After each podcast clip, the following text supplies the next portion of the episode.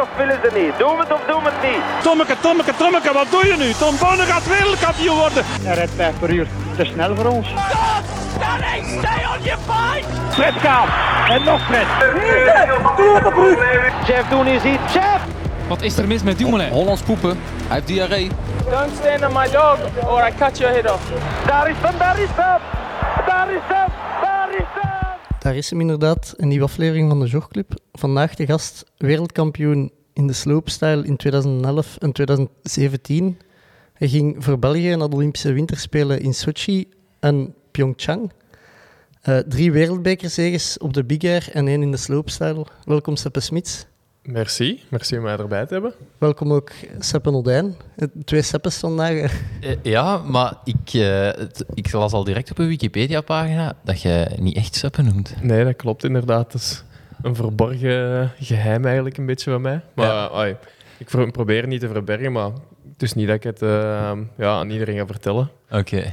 En, eh, en Seb- Sebastien, is, het- is, is officieel op je paspoort staat dat? Ja, dat klopt. Ja, dat is eigenlijk gewoon doorheen de jaren gegroeid dat dat Seppen is geworden. Ja. Ik denk, bij een basket is dat een beetje begonnen toen ik basketbal speelde vroeger. Ah, ja. En ehm, ze vonden gewoon Sebastien te lang om te roepen als ze op het veld stonden, dus dat is Seppen geworden.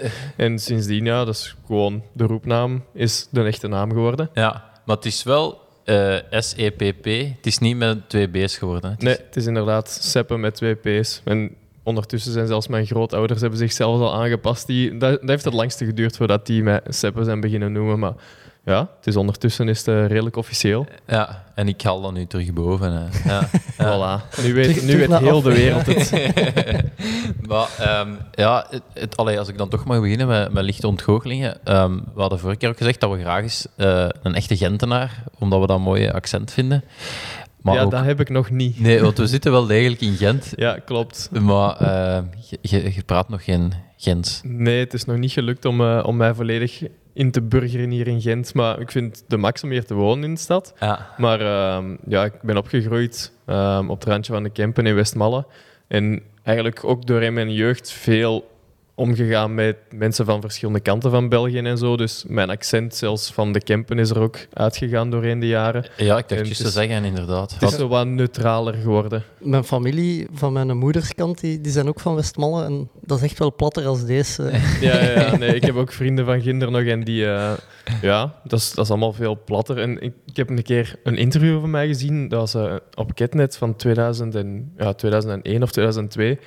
En ik was echt verbaasd van hoe plat dat mijn accent toen nog was. En nu is het eh, ja, dus veel rustiger geworden. En ja, misschien is dat ook door het vele reizen, veel andere talen spreken en zo, dat je gewoon probeert een beetje neutraal te praten misschien. Ja, ja dat, dat, denk ik wel. En welke talen spreekt het meest? Of welke talen spreekt het allemaal? Ehm, in snowboarden is eigenlijk ja, de, de go-to taal is Engels. Ehm, Ja. Ieder, alle rijders spreken Engels tegen elkaar. En dan enkel tegen de, de Fransen en zo, ehm, en een paar van de Zwitsers, ehm, spreek ik in Frans dan. Ja. Ehm, ook vooral omdat mijn coach in dat is een Fransman. Ah ja. Ehm, dus met hem spreek ik constant Frans.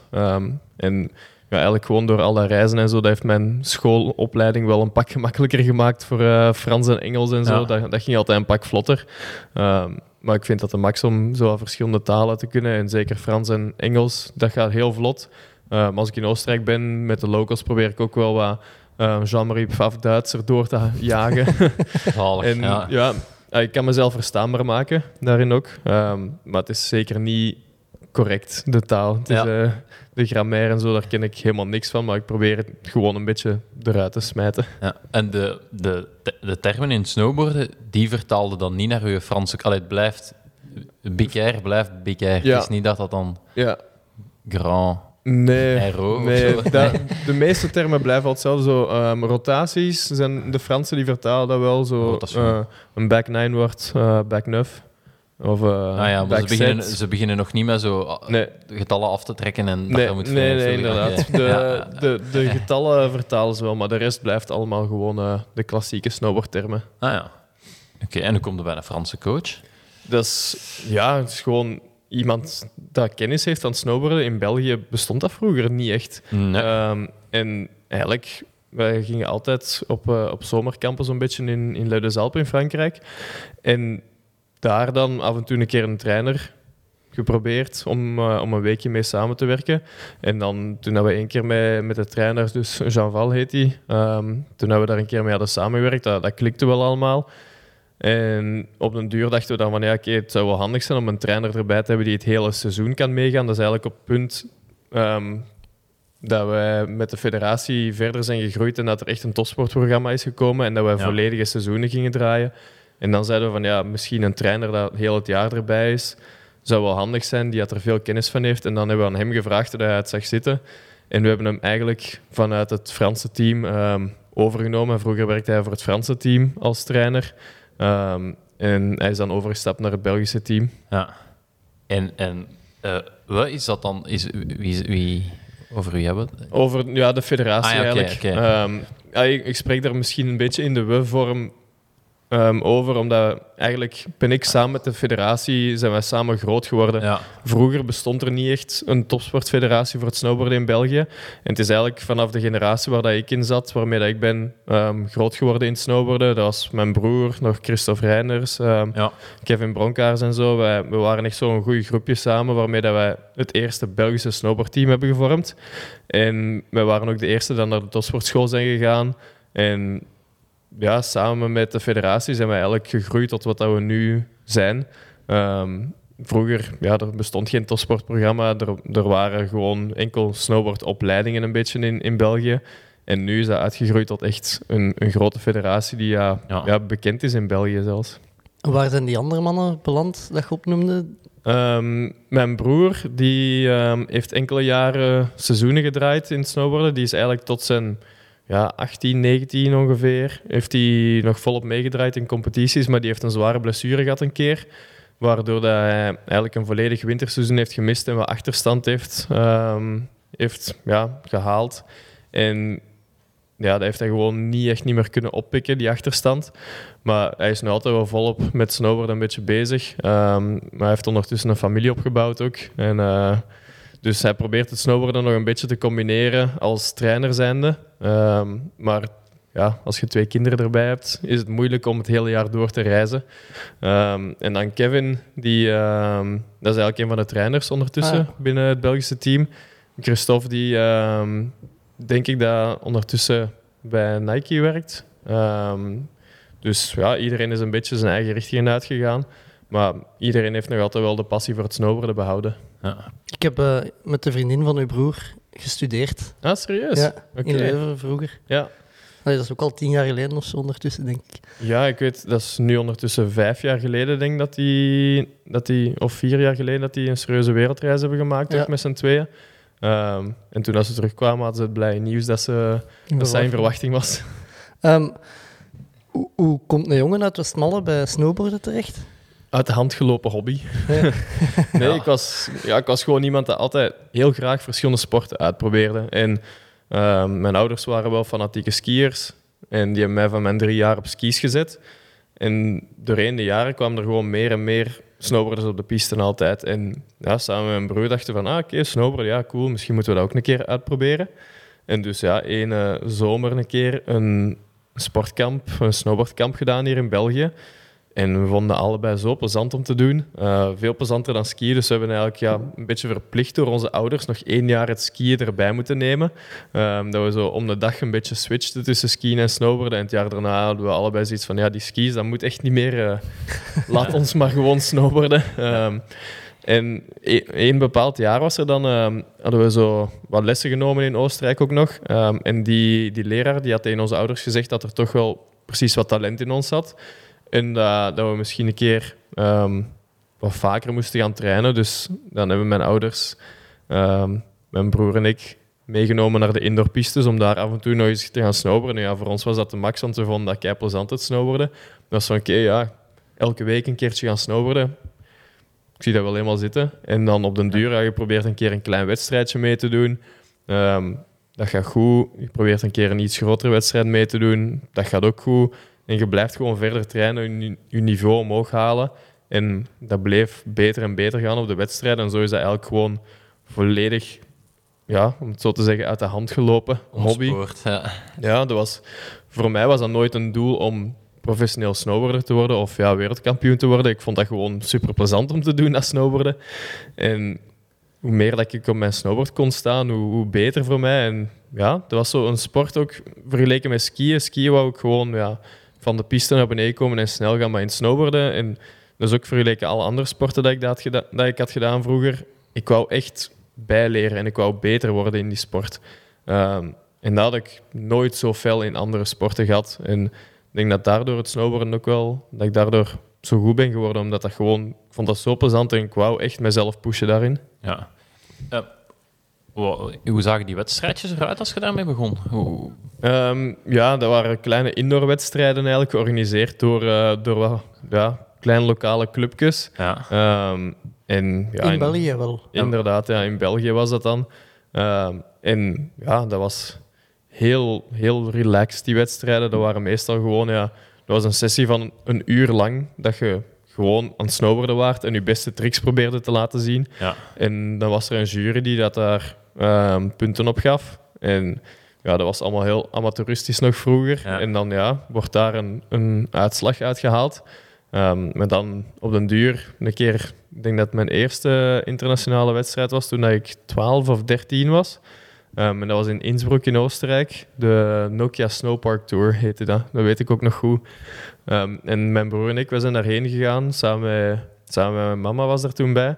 En we zijn vrijdag, vrijdagavond in de auto gesprongen na het school.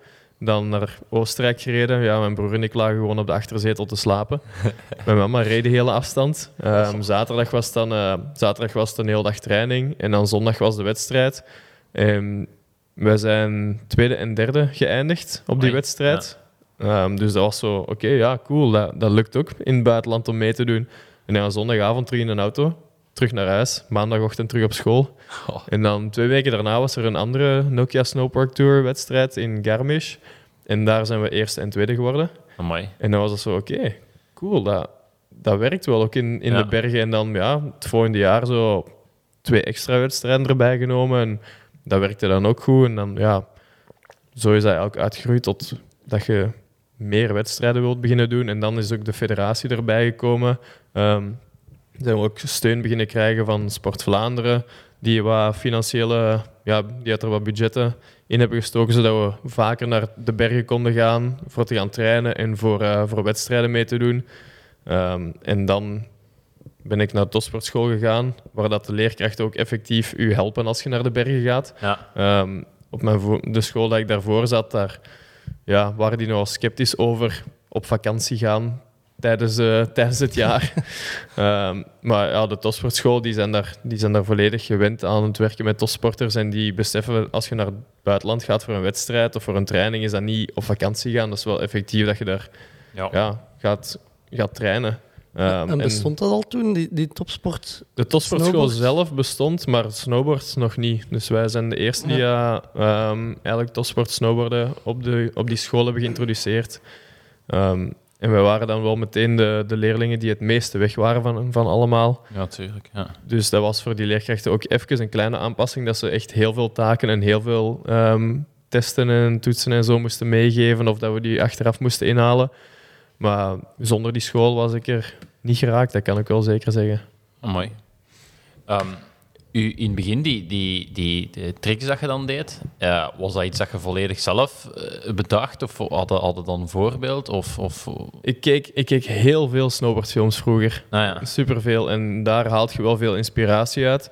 Ehm, en dan voor de rest, wij waren een heel hecht groepje van, eh, van die gasten die ik daar straks had opgenoemd. Ehm, en wij, wij pushten elkaar altijd, wij hielpen elkaar. Ehm, en dan een beetje samen met de, met de trainer en de coach en zo, dat we een oplossing zochten naar de tricks dat we wouden leren. Dus iedereen was, was altijd... Je had altijd zo wel bepaalde tricks in je hoofd dat je wou leren, maar je wist niet perfect hoe dat je eraan moest beginnen. En dan, ja, wij, wij hielpen elkaar constant als er iemand iets nieuw aan het proberen te leren was en dat lukte niet.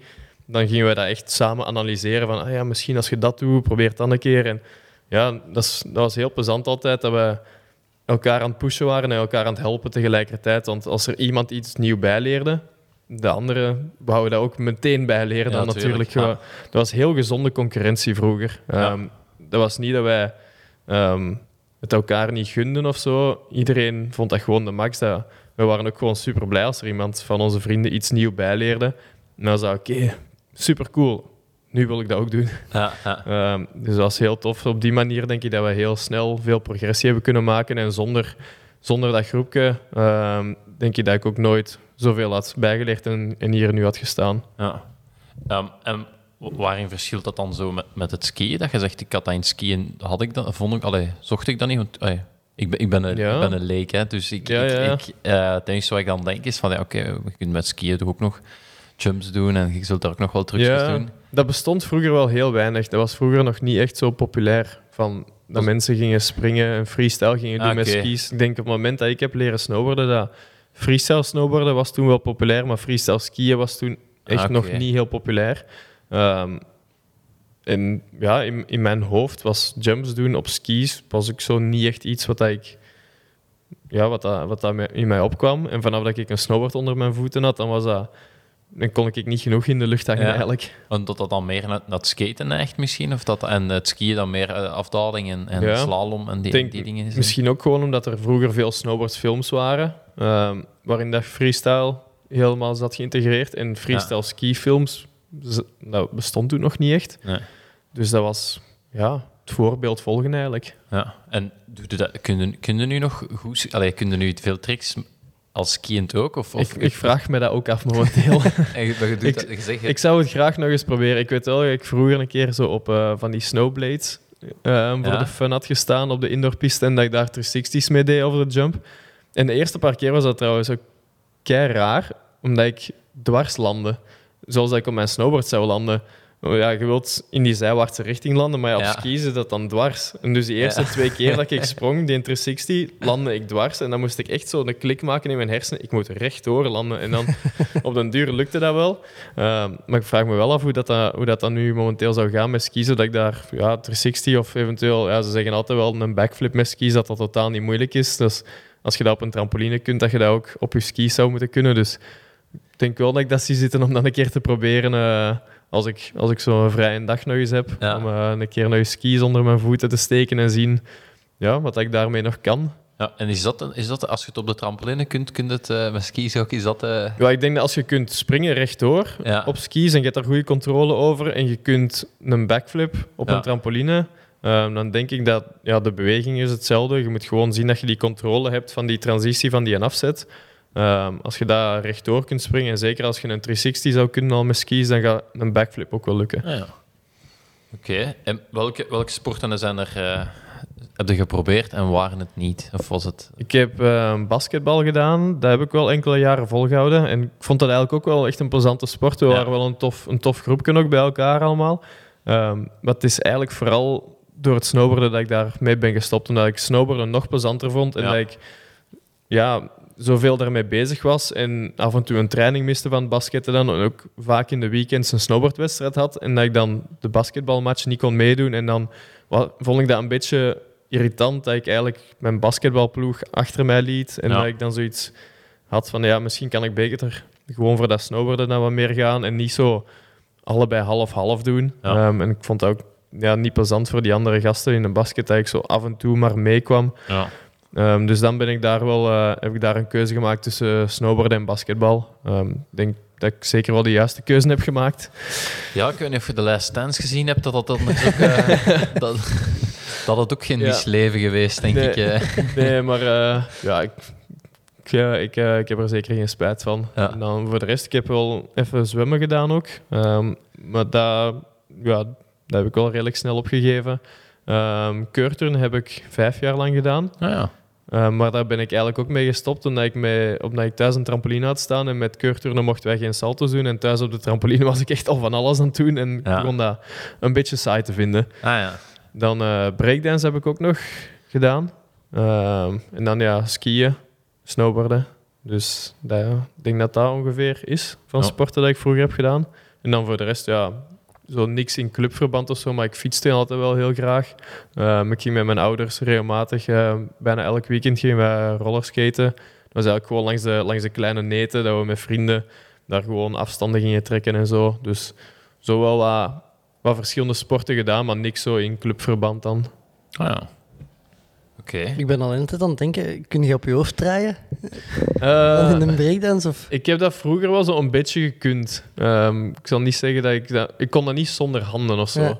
Ehm, en ja, ik heb dat anderhalf jaar gedaan ongeveer, dat breakdansen. Dat ik dat in een club heb gedaan. Voor de rest heb ik dat zowel wat thuis af en toe een beetje gedaan. Maar dat, is, dat was zeker, als ik nu filmpjes kijk van breakdansen, van wat dat mensen doen, ik ben echt verbaasd. Dat is echt niet normaal. Hè. Eh, Maar ja. ik heb gewoon ook de kracht daarvoor niet. Ja. Eh, zeker in mijn bovenlichaam. Die, die mannen die kunnen daar ja, een minuut lang enkel tricks doen op hun handen precies. En Ja. ja, voor mij als ik een minuut handstand zou moeten doen, ik zou echt staan te trillen op mijn handen. En die, die zitten zichzelf daar in allerlei richtingen te smijten. ja. Dus dat is echt wel, echt wel zot. Je, allee, het is wel een schoon kaart dat je kunt trekken als je op een afterparty of zo, als je wat breakdance moves hebt. Ja, Als maar eh, ja, het probleem is dat er vaak wel eh, dat de vloer een beetje plakt hè, op afterparties. Ja, hè, inderdaad. Altijd een voor reserve-outfit. eh, Voor die een headspin is dat niet handig hè, als dat plakt. nee, nee. Dat is, dat is toch met een mutsje of zo dat ze dan meestal... nee? Ik weet ik dat denk dat niet. dat mutsje ook gaat plakken aan de. Eh, wanneer, vanaf wanneer had eigenlijk door dat er in dat snowboarden wel wat meer in zat? Als... Allee, dat, je daar je beroep van ging kunnen Dat maken? heeft eigenlijk heel lang geduurd. Ik heb eigenlijk nooit beseft dat ik professioneel was. Tot misschien twee jaar nadat ik professioneel Ah, ja. snowboarder was. Allee, voor mij, professioneel snowboarder is dat je kunt leven van Ja, je sport. ja. Ehm, en op een bepaald moment kreeg ik wel wat geld van, van sponsors en zo. En kregen wij die steun van Sport Vlaanderen. En kon ik echt wel een jaar rondkomen zonder, zonder, ehm, ehm, zonder de hulp van buitenaf van mijn ouders. Maar ik besefte dat toen niet echt dat dat zo professioneel was. Voor mij was dat nog altijd, oké, nice, we gaan, ik kan gaan snowboarden en ik, ik verdien er iets mee. Ehm, maar dan te beseffen dat dat echt uw, uw job is, dat is dan pas zo een tijdje daarna gekomen. Als ik zo echt Ja. alleen ging wonen, ehm, dan had ik zo door van, ja, oké, dat, dat geld dat ik heb kunnen opsparen door in de jaren, dat, dat was dus eigenlijk wel nu als professioneel snowboarder, daarvoor, daarvoor dient dat. Ja. Ehm, en ik denk dat dat ja, rond mijn, zou dat zijn geweest, 22, 23 of zo, Ja. zou zijn geweest, dat ik echt heb beseft van oké, dit, dit is wel inderdaad ja, professioneel snowboarder zijn. Ehm, want ook met die, eh, die titel van wereldkampioen zijn, ik heb dat nooit beseft eigenlijk in 2011 dat ik zo echt wereldkampioen was. Dat was gewoon, voor mij was dat eerder, Ja. oké, dit was een grote wedstrijd en ik heb die grote wedstrijd gewonnen. Ja. Maar voor mij was een World Cup winnen of wereldkampioen worden, ehm, was dat op dat moment niet echt een heel groot verschil. Voor mij was dat gewoon een grote wedstrijd dat ik had gewonnen. Ehm, en toen was het snowboarden ook nog iets minder bekend in België. Nou was er wel veel media-aandacht voor gekomen. En ik vond dat mega plezant. Maar dan in 2017, toen ik de, de tweede keer wereldkampioen Ja. ben geworden, dan besefte ik echt van, oké, dit gaat echt wel veel impact hebben op mijn carrière. En dit is ook echt een heel zot moment. Ehm, dus dat, die, die tweede keer wereldkampioen heeft veel meer impact op mij zelf gehad dan, dan die eerste keer. Ja. Ehm, kun je eens even gewoon overlopen, als je het niet erg vindt, wat de verschillende disciplines zijn? Ja, ja. En, eh allee, Binnen het freestyle snowboarden. ja, ja. Ja, we hebben de Big Air, slopestyle en de halfpipe. En tot en met 2010 was eigenlijk eh, enkel de halfpipe een Olympische discipline. Ja. En dat is ook, ehm, daar heb ik mij vroeger dan veel meer op gefocust om naar die Olympische Spelen te kunnen gaan in de halfpipe. Ja. Ehm, en dan na 2010 is dan de slopestyle erbij gekomen. Maar oké, de halfpipe is dus dat is een halve buis eigenlijk, om het heel gemakkelijk uit te leggen, die onder een ramp- hellingsgraad... een- een een Ja, ramp, in skaten, maar dan skaten, naar beneden. Ja, die onder een ijs. hellingsgraad Allee. ligt. Glad. Ja. ja. Dus, eh, en daar moet je dan gemiddeld springt je daar tussen de vijf en de zeven keer uit. Ja. Dus eh, dat is telkens van de ene kant naar de andere kant. En je, dus het, het moeilijke is eigenlijk om zo hoog mogelijk te gaan, je snelheid goed te behouden. Want je moet perfect juist landen tegen die muur. Dus je moet Ja. heel precies zijn met hoe hard dat je afzet en zo. En tegelijkertijd moet je dan... Ja, toen ik dat deed, waren mensen 9, 900's en 1080's aan het doen. Ehm, en nu worden er double cork 1440's gesmeten en zo. Dat, dat klinkt Ehm, eh, zo serieus dus- menu. Eh, Dat is heel, heel technisch en ik kan mezelf dan niet 100% inbeelden hoe dat, dat zou aanvoelen. Zelfs bijna. Ik, ik snap het principe wel hoe dat, hoe dat werkt. Ehm, maar ik zie mezelf dat echt niet meer doen in een halfpipe. Een halfpipe vind ik, dat heeft, dat heeft heel veel consequenties als je daar een foutje maakt. Dat als je iets te hard afzet of te zacht, dan land je oftewel helemaal beneden Ja. ehm, op het platte stuk. Of als je te zacht afzet, dan land je boven op het platte stuk. Met waar, waarna dat de kans nog groot is dat je dan Nog nog eens. terug naar beneden gaat vallen. Nog eens terug erin. Ja. Ehm, dus de halfpipe is zo, dat is heel precies, moet je daar zijn. Dus dat, Maar- ik vond het oh. altijd heel, heel plezant om hoog te gaan daarin. Ja. Maar ik vond die risico's van die, van die tricks ehm, sprak mij minder aan dan risico's nemen voor tricks in de big air of de slopestyle. Ja. Maar dat, op basis van wat werd er beslist dat de halfpipe Olympisch was en de big air, of de, de slopestyle is ook Olympisch zeker nu? Ja, slopestyle en big air zijn allebei al Ah, oké. nu. Eh, want dat lijkt me wel eigenlijk van de drie de meest saaie even te kijken. Eh, Allee, ik vind, ik als vind leek, eigenlijk... ehm, als leek, ja, ik weet niet. De, de halfpipe bestaat al het langste, de ah, competitie. ja, oké. Dus dat is eigenlijk de eerste competitie. Ja, Gaat vroeger. ehm, eigenlijk is de, de US Open is de eerste wedstrijd die bestond in snowboarden. En daar, ehm, vroeger was dat ja, dat was eh parallelslalom. En dan is als eerste de halfpipe erbij gekomen. En dus hij heeft een langere geschiedenis in het snowboarden al, de halfpipe, dan, ehm, dan de big air en de slopestyle. Het is eigenlijk een beetje geëvolueerd, omdat in die parallelslalom op de duur zijn ze daar schuine bochten in gaan steken. En dan, ja, dan begint je al een beetje de vorm van een halfpipe te krijgen. En dan daarna zijn ze die muren wat hoger beginnen bouwen. En dan kon je daar tricks uit beginnen doen. Ehm, en dan is de halfpipe erbij gekomen. En ik denk dat... Ik weet eigenlijk niet exact wanneer dat de slopestyle voor het eerst is geïntroduceerd. Ehm, Ik kan het opzoeken. hè. Maar Ja. wacht, ik zal eh, Google eens aanspreken. ik zal mijn trofee er een keer bij halen. Ah, Ah, voilà. Maar is gewoon een Dus dat is- trofee. Dat is een trofee van... ehm Ah, ze staan er allemaal op, oké. zo. geworden op de, op de Burton US Open. En hier gaat het eerste jaar, hier staat 1999 is. Ah, 1999 was er een Big Air. 1997 ook al. 1996 is de eerste Big Air wedstrijd dat ik daarop zie Ah, ja. staan. En daarvoor was het allemaal halfpipe en slalom. Eerste halfpipe was 1988 hier. Goed jaar. Maar ja. Was ik één. Ik ben dan geboren. Voilà. Ja. En dan de, de andere twee eh, disciplines? Ehm, ja, Big Air is misschien de gemakkelijkste om uit te leggen. Wel. Ja. Gewoon één sprong.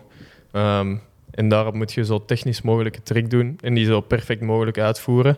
Ehm, dat is nu wel geëvalueerd dat je twee verschillende tricks moet laten zien, maar dat is telkens maar in één afdaling doet je maar één trick. ja. En dan gaat je terug omhoog. En dan bij de meeste wedstrijden is de kwalificaties, krijg je twee runs waarvan dat je beste run telt. Ehm, en dan gaat je door naar de finale, waar dat drie runs zijn, waarvan dat de twee beste tellen.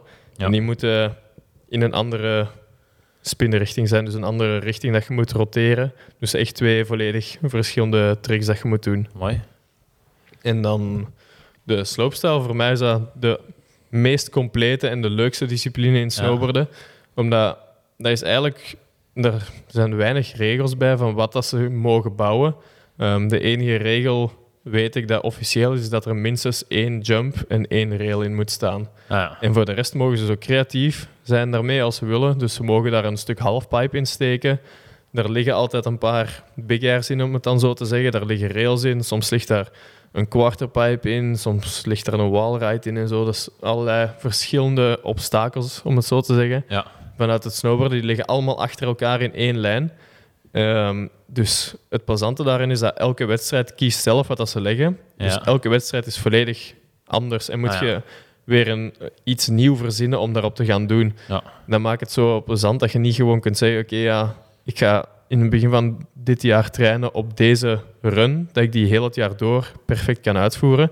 Je moet elke wedstrijd je, jezelf, ja, je moet, eh, jezelf uitdagen om iets nieuw te verzinnen eigenlijk Ah, ja, om daarop te doen. En dat maakt u eigenlijk de meest complete snowboarder, vind ik. Ja. Omdat je moet heel veel tricks hebben in je arsenaal om je op elke wedstrijd aan te kunnen passen Ja. aan de, aan de slopestyle dat ze hebben neergelegd, om daar het beste van jezelf te laten zien. En het is niet omdat je op de Big Air per se de meest technische tricks hebt, dat je die meest technische tricks allemaal achter elkaar kunt doen in al die slopestyle-wedstrijden. Je moet nog consistenter zijn, omdat je eigenlijk Dat is gemiddeld tussen vijf en soms tot acht obstakels achter elkaar. Mooi. Dus je moet vijf tot acht tricks na elkaar perfect landen om een, om een volledige run te hebben en een goed resultaat te halen. Ja. Ehm, in de drie disciplines is het een jury die eigenlijk eh, punten gaat geven dan. Ja, klopt, inderdaad. Eh, en die bepaalt dan de winnaar. En eh, uit wat bestaat die jury? Hoe, hoe... Dat is een, ehm, ja, dat is, bij de Big Air zijn het eh, meestal vijf juryleden. Ja. Ehm, en dan worden, die geven alle vijf punten en dan de hoogste en de laagste score vallen weg. Ah ja, oké.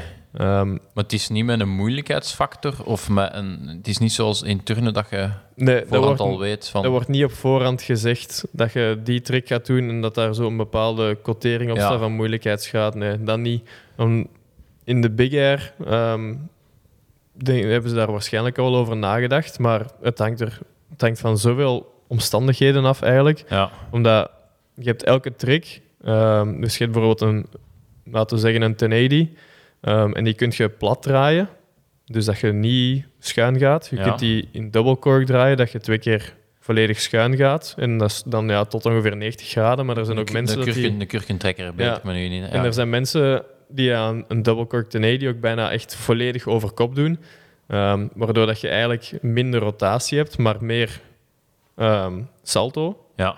Ehm, en dat maakt het vaak gemakkelijker om te landen, omdat je, je moet veel minder rotatie tegenhouden in de landing. Terwijl als je gewoon Ah, plat ja. draait, moet je een rotatie van, drie, van 1080 graden in de lucht moet je volledig tegenhouden in je landing, dat je niet nog verder blijft draaien in je landing. Ja.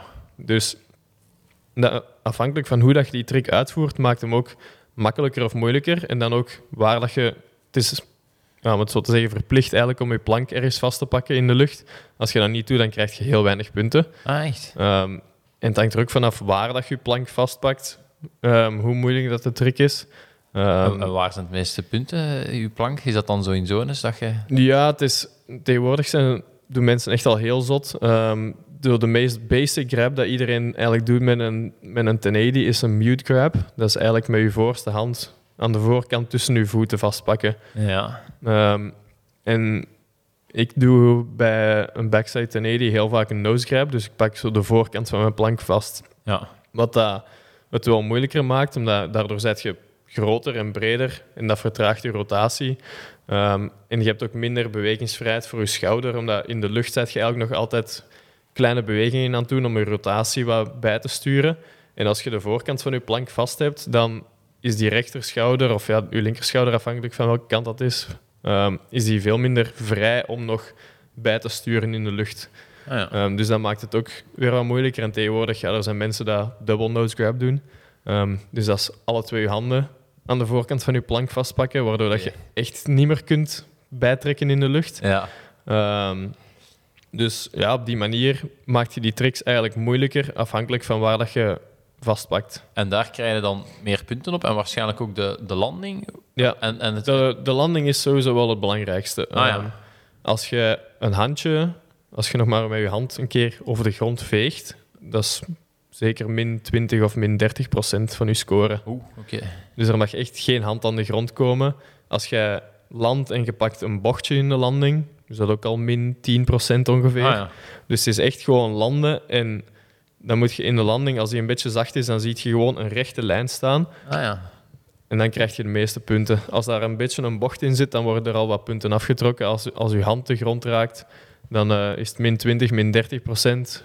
Ehm, als er iets anders de grond raakt, dan is het ja, zeker min 50 procent. Als je gaat zitten, dan is het, gaat je tussen de 10 en de 20 punten krijgen op 100. Dus ik, ik speel op safe. Ik, ga, ik pak de, de ramp. Ik pak gewoon mijn bord vast en ik land.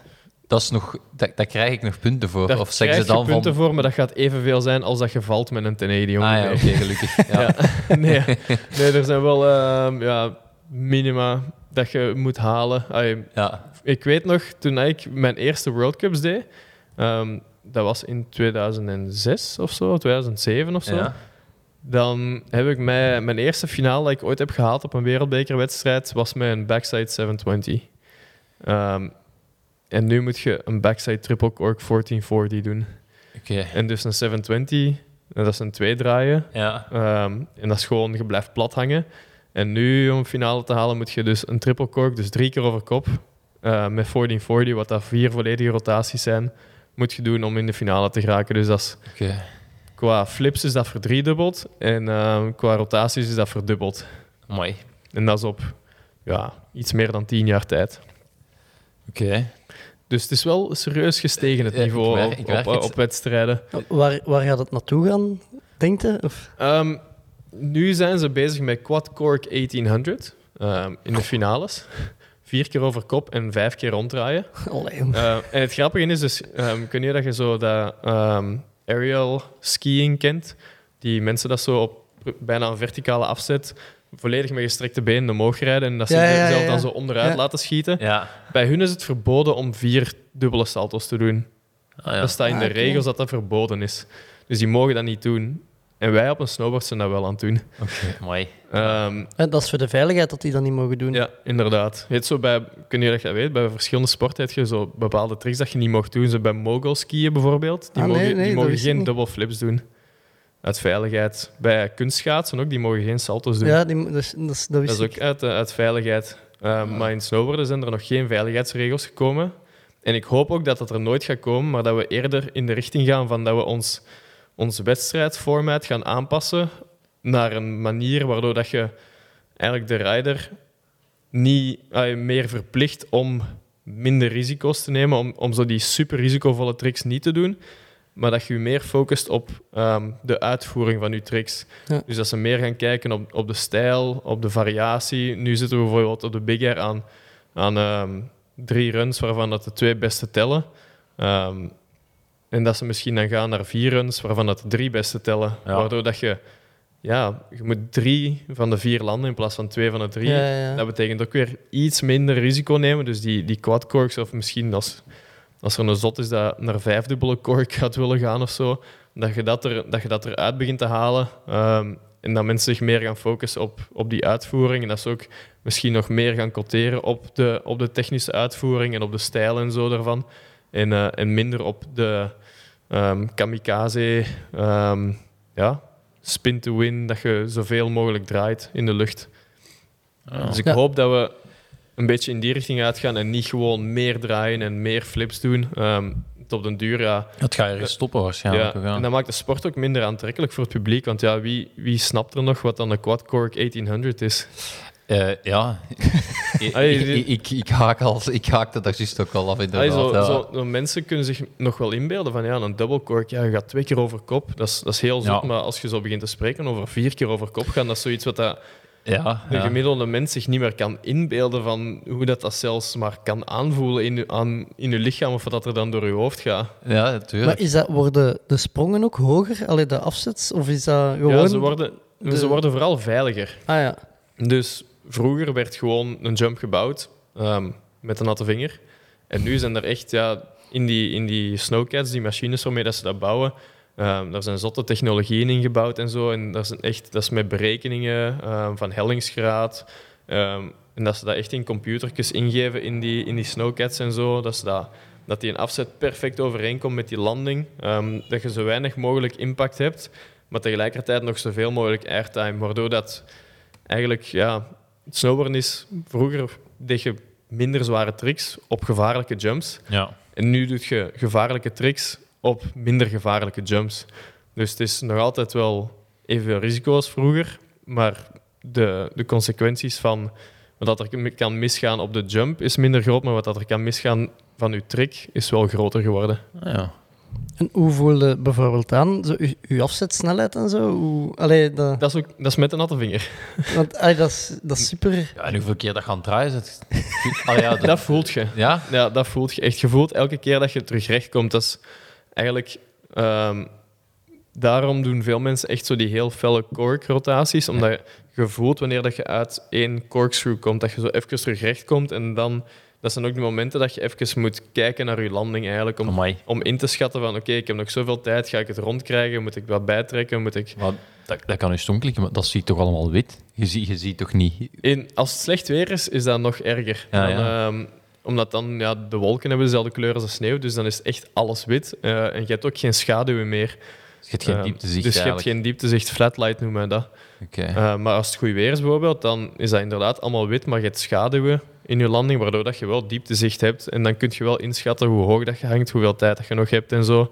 Ehm, maar ja, dat is inderdaad dat is wel jarenlange ervaring en zo dat Ja. je daarvoor moet. Is dat, is dat ook daarvoor dat ze die blauwe lijnen vaak... Ja, dat is tijdens slecht weer inderdaad. Trekken ze die blauwe lijnen. Ehm, en op wedstrijden doen ze dat eigenlijk ook standaard, wat dat het voor de jury iets gemakkelijker maakt om te zien hoe ver dat de rider is gesprongen. Eh, Ehm, dat is ehm, ook een van de, van de quoteringen van de jury, is hoe, ehm, hoeveel, ah, hoe hoog dat je bent gegaan en hoe ver dat je hebt gesprongen. Het vergaan is niet de meest belangrijke, omdat anders gaan mensen zich gewoon kapot springen en tot helemaal van onder in de landing springen.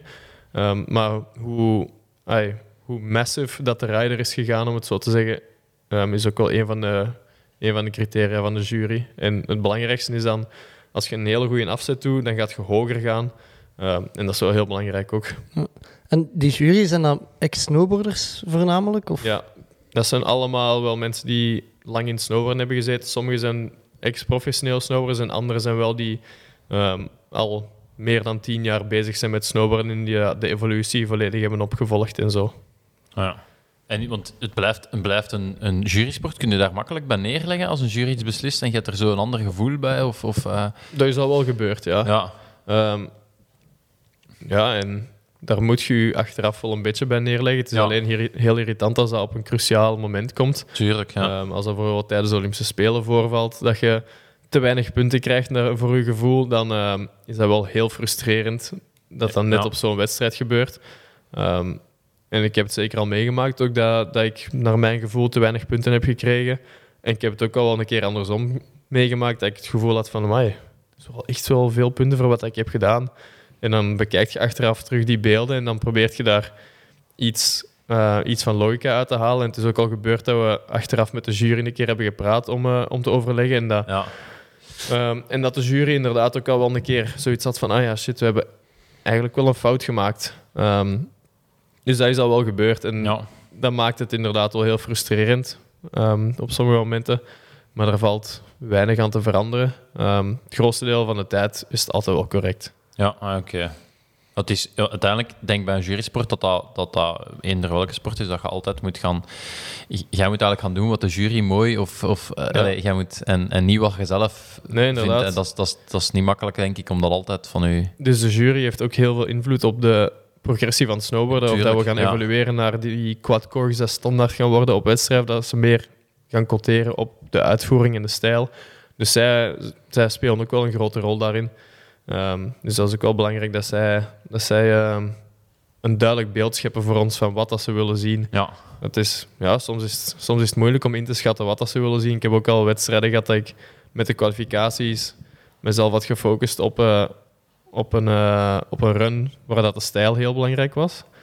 Ehm, en dat ik daar dan oké punten op had gekregen. En dat ik dacht van, ah, misschien moet ik een run doen dat technisch wat moeilijker is, omdat ik de indruk heb dat degene dat een technische run hebben gedaan, dat die meer punten hebben gekregen.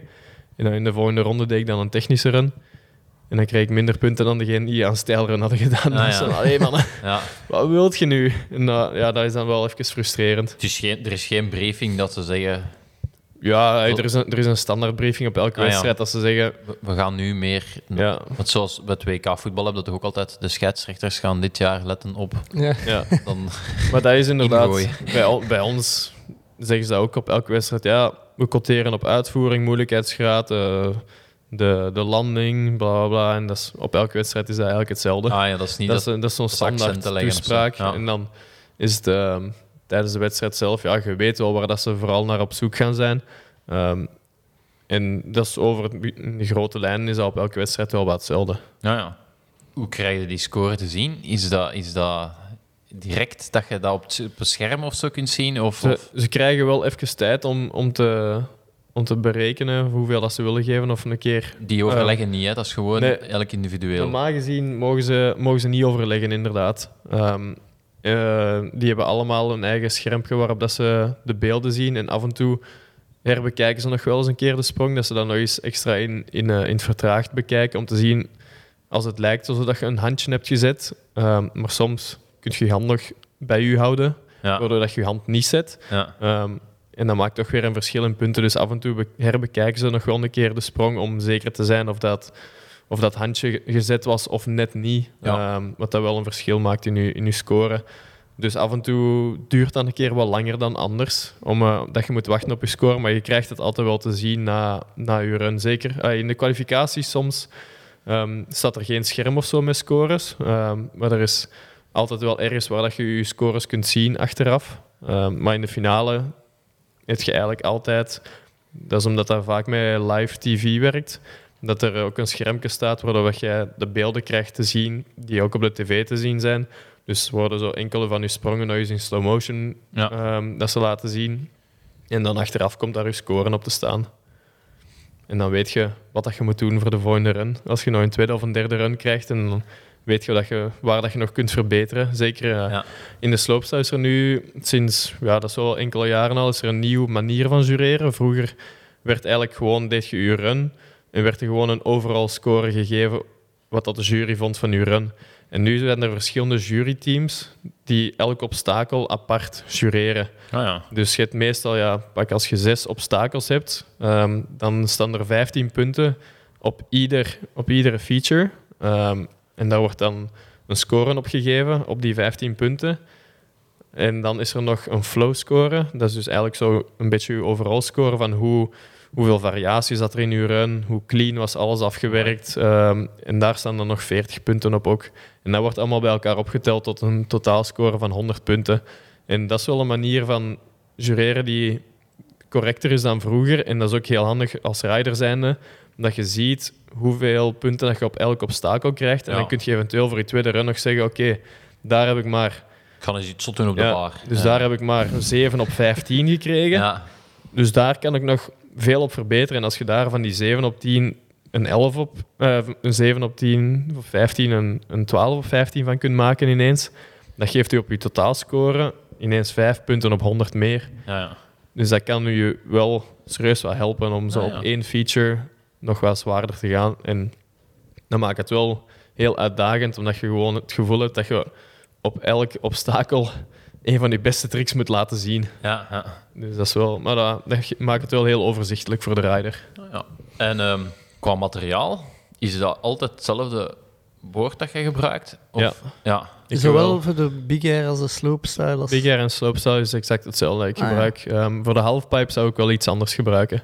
Dat is, de halfpipe is heel... Dat is wel wat anders. Daar gebruiken mensen een stijvere plank ehm, met die, die ietsje harder op zijn kant kan staan. Maar voor de slopestyle moet je... ah, In de halfpipe moet je eigenlijk gewoon op je kant blijven staan en heel, een heel rechte lijn rijden.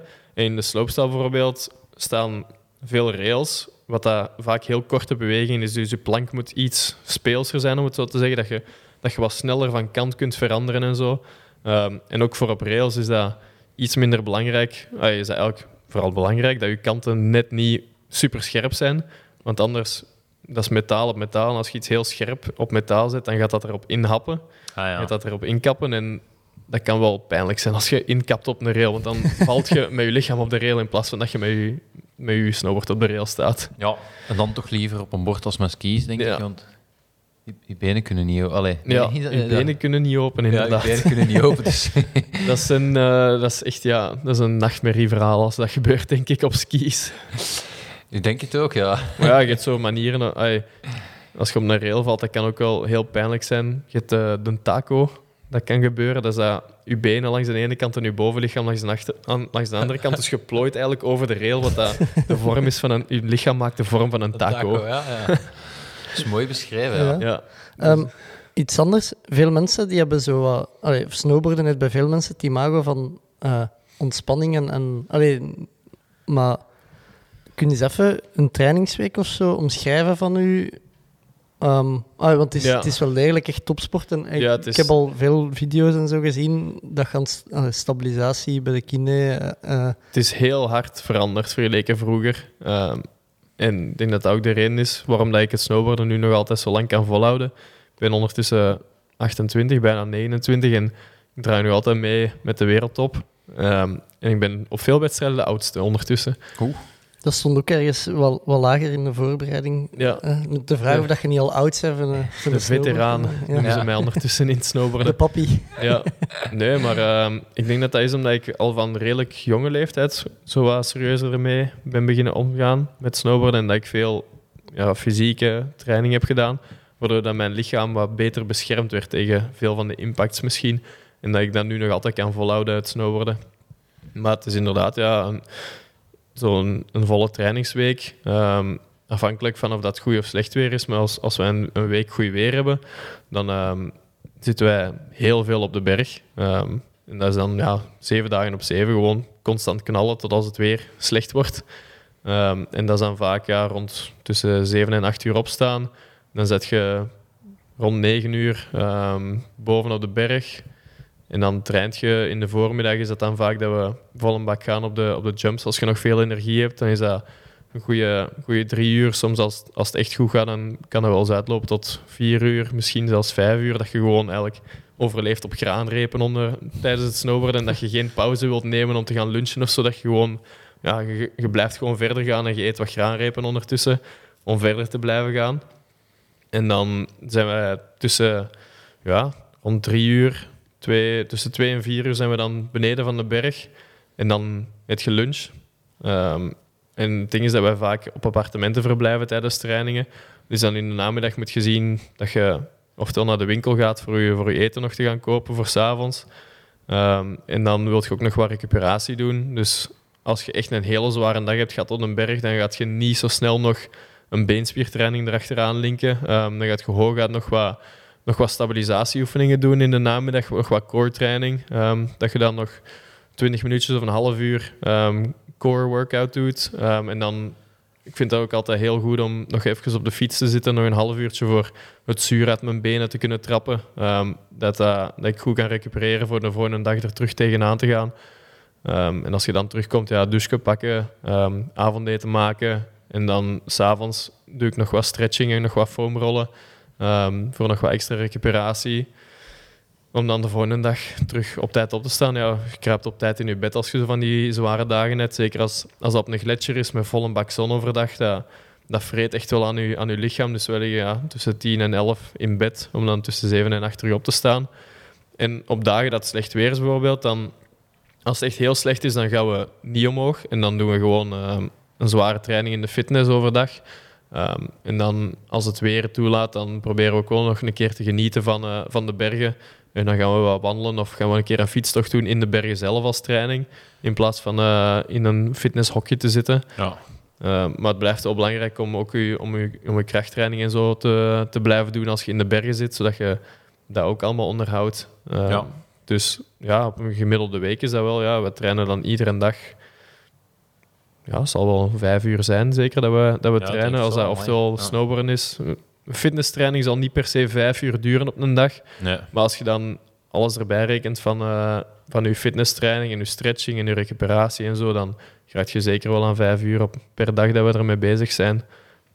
Amai. En moet je uw plank nog onderhouden dan ook? En, Ah ja, dat was ik nog vergeten. Ja.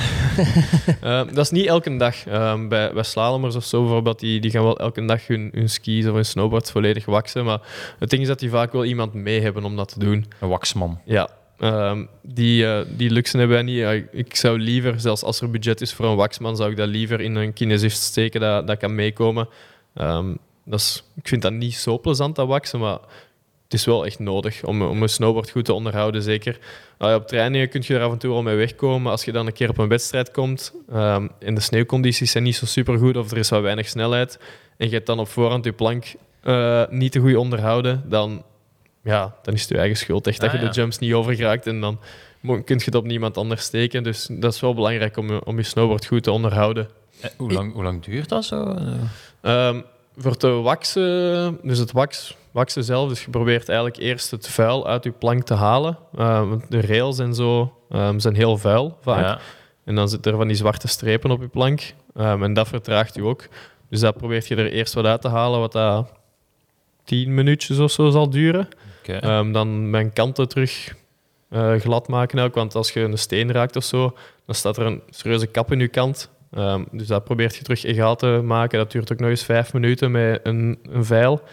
Dan het waksen zelf is een 10 minuten dat je de wax erin smeert. Ehm, en dan de volgende ochtend, ja, dan laat je dat meestal een nacht intrekken. En dan de volgende ochtend is het alles afschrapen van overbodige wax. Ehm, en daar zijn we ook in de goede richting trouwens aan het gaan. Vroeger was wax heel vervuilend. Maar ik heb ondertussen, eh, er zijn wat merken die, die, ehm, die wat nieuwe wax op de markt hebben gebracht. En ze zijn ook in het snowboarden en in het skiën nu nieuwe regels aan het zetten dat er geen fluor niet meer in wax mag zitten. Ja, ja. Wat dat heel vervuilend is voor de, voor de bergen, voor de sneeuw en zo. Ehm, dus nu zijn er wat merken ehm, die, die wax maken zonder fluor en die nog altijd echt heel goed glijdt.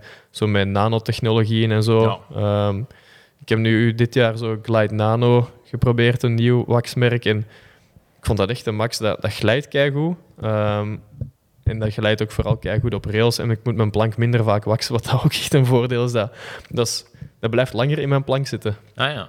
Dus dat is wel nice. Om, om die nieuwe merken te hebben die wat ecologischer zijn.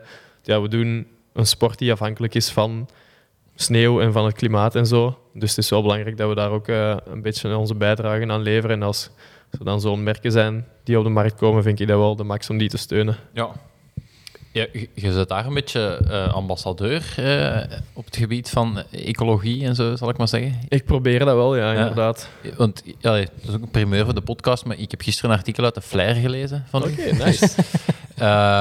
De- ja, dat, had ik nog, dat was ik nog niet aan toegekomen in mijn, in mijn voorbereiding, maar ehm, je, je, je verbruikt heel weinig plastic en, en Ja. ehm, Ja, inderdaad. Dat is, wel, dat is wel een voordeel dat ik in Gent woon en ja, in, in het algemeen in een stad woon. Ehm.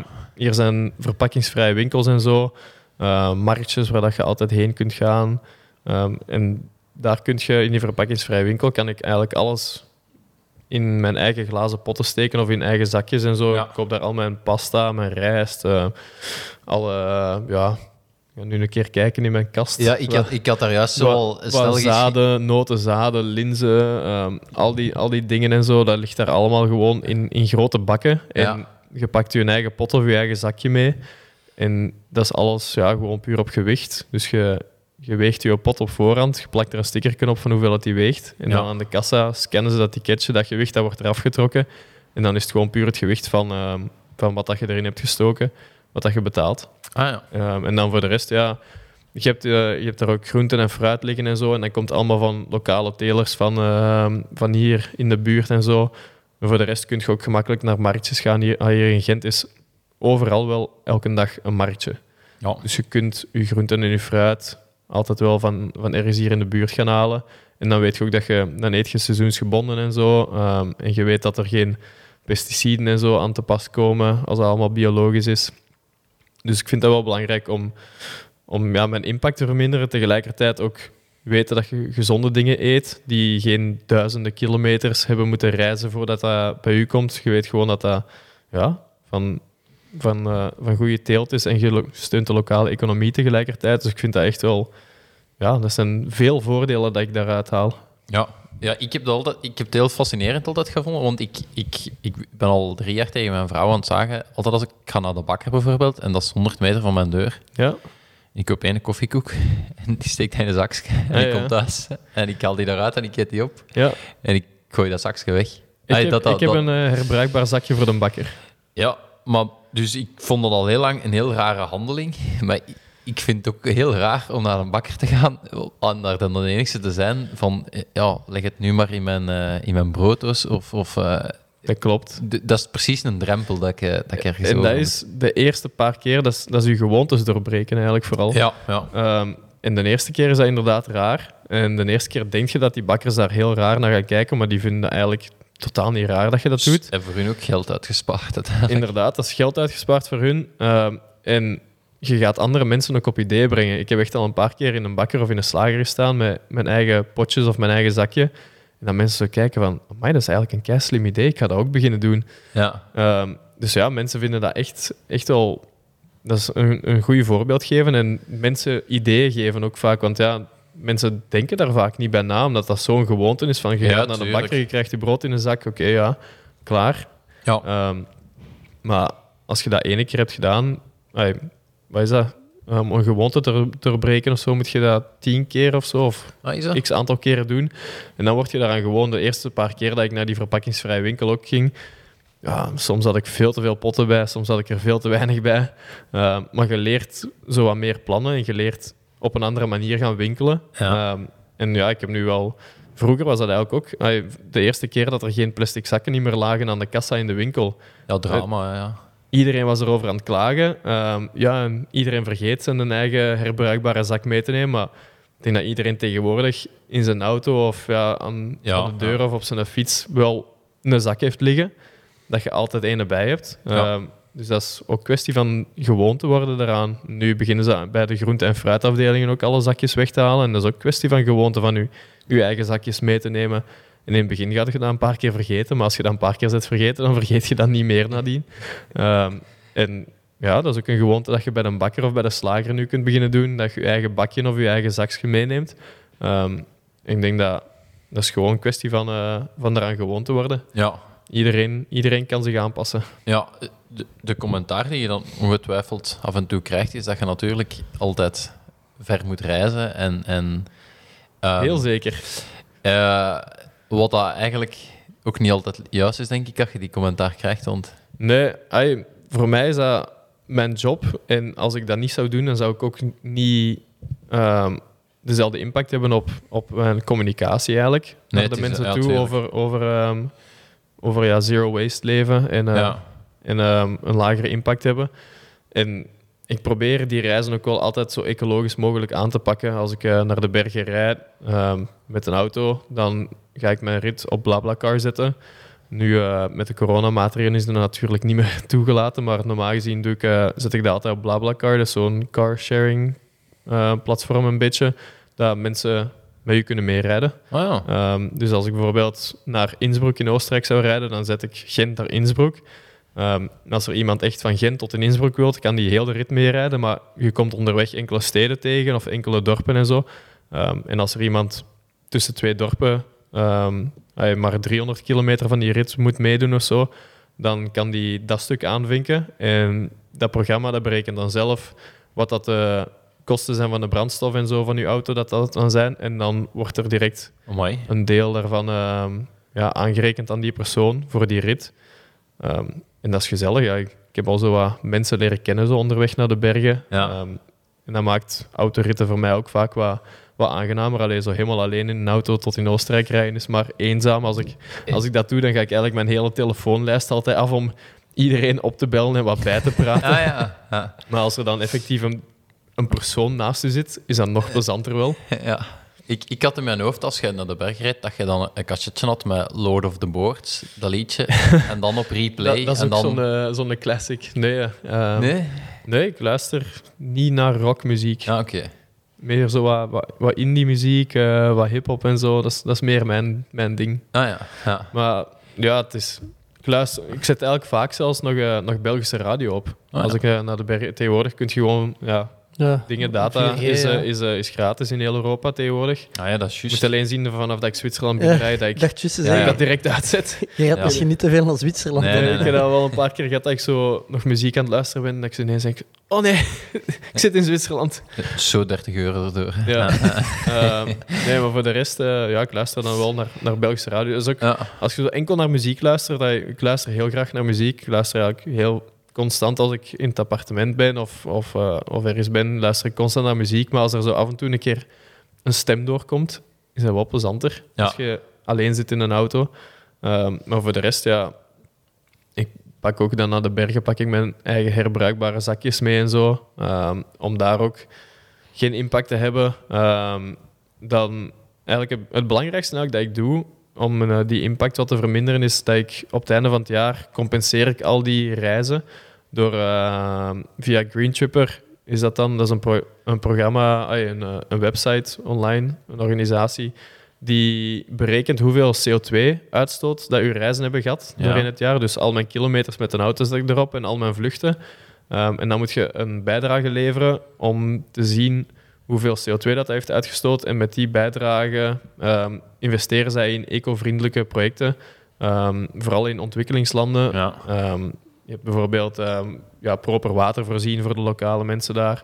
Ehm, er zijn ook veel, ehm, veel lokale mensen erachter nog die hun eten koken gewoon op een open vuur, wat dat heel veel CO2 uitstoot. Dus die gaan daar dan eigenlijk kleine cookstoves installeren. Dus zijn ja, geconcentreerde oventjes, Ja. waardoor je veel minder moet stoken om veel warmte te genereren. Dus dat zijn dus allerlei projectjes dat zij in investeren ehm, met het geld wat dat jij dan gebruikt als compensatie voor je CO2-uitstoot. Dus het is niet dat zij... Je hebt veel organisaties ook daar bomen gaan planten om CO2 terug om te vormen in zuurstof. eh, maar zij gaan eerder ervoor zorgen dat er minder Minder, ja, CO2 ja. wordt uitgestoot in de eerste plaats. Ehm, wij zijn daar... Bij ons is dat al iets gemakkelijker eigenlijk om je CO2-impact te verminderen, maar in die ontwikkelingslanden, die kunnen niet zomaar van de ene dag op de andere iets Nee. veranderen, omdat daar gewoon ja, de financiële middelen vaak niet voor zijn. Ehm, en om dan een organisatie te steunen die eh, daarin gaat investeren, vind ik eigenlijk wel een, een heel schoon initiatief. ja. Is het dan geen enorme rekening op het einde van het jaar? Dat valt veel beter mee dan dat je Ja? denkt. Ehm, ja, ik heb, vorig jaar heb ik echt superveel gereisd. Ehm, en het is eigenlijk zo vooral de, de reizen met vliegtuig als ik zo naar Amerika moet. En de Ja. ergste is als ik naar Nieuw-Zeeland vlieg en zo. Ehm, die, dat stoot wel echt heel veel uit. Dus ehm, Eh, Wat, wat kost een vliegtuigticket Nieuw-Zeeland dan op het einde van het jaar, als je, Ehm, als je wilt compenseren? ik denk dat dat 80 euro is of zo. Voor, voor te compenseren in totaal. Ja. Ehm, als je first class gaat vliegen, dan is het wel een extra bijdrage. Oh ja.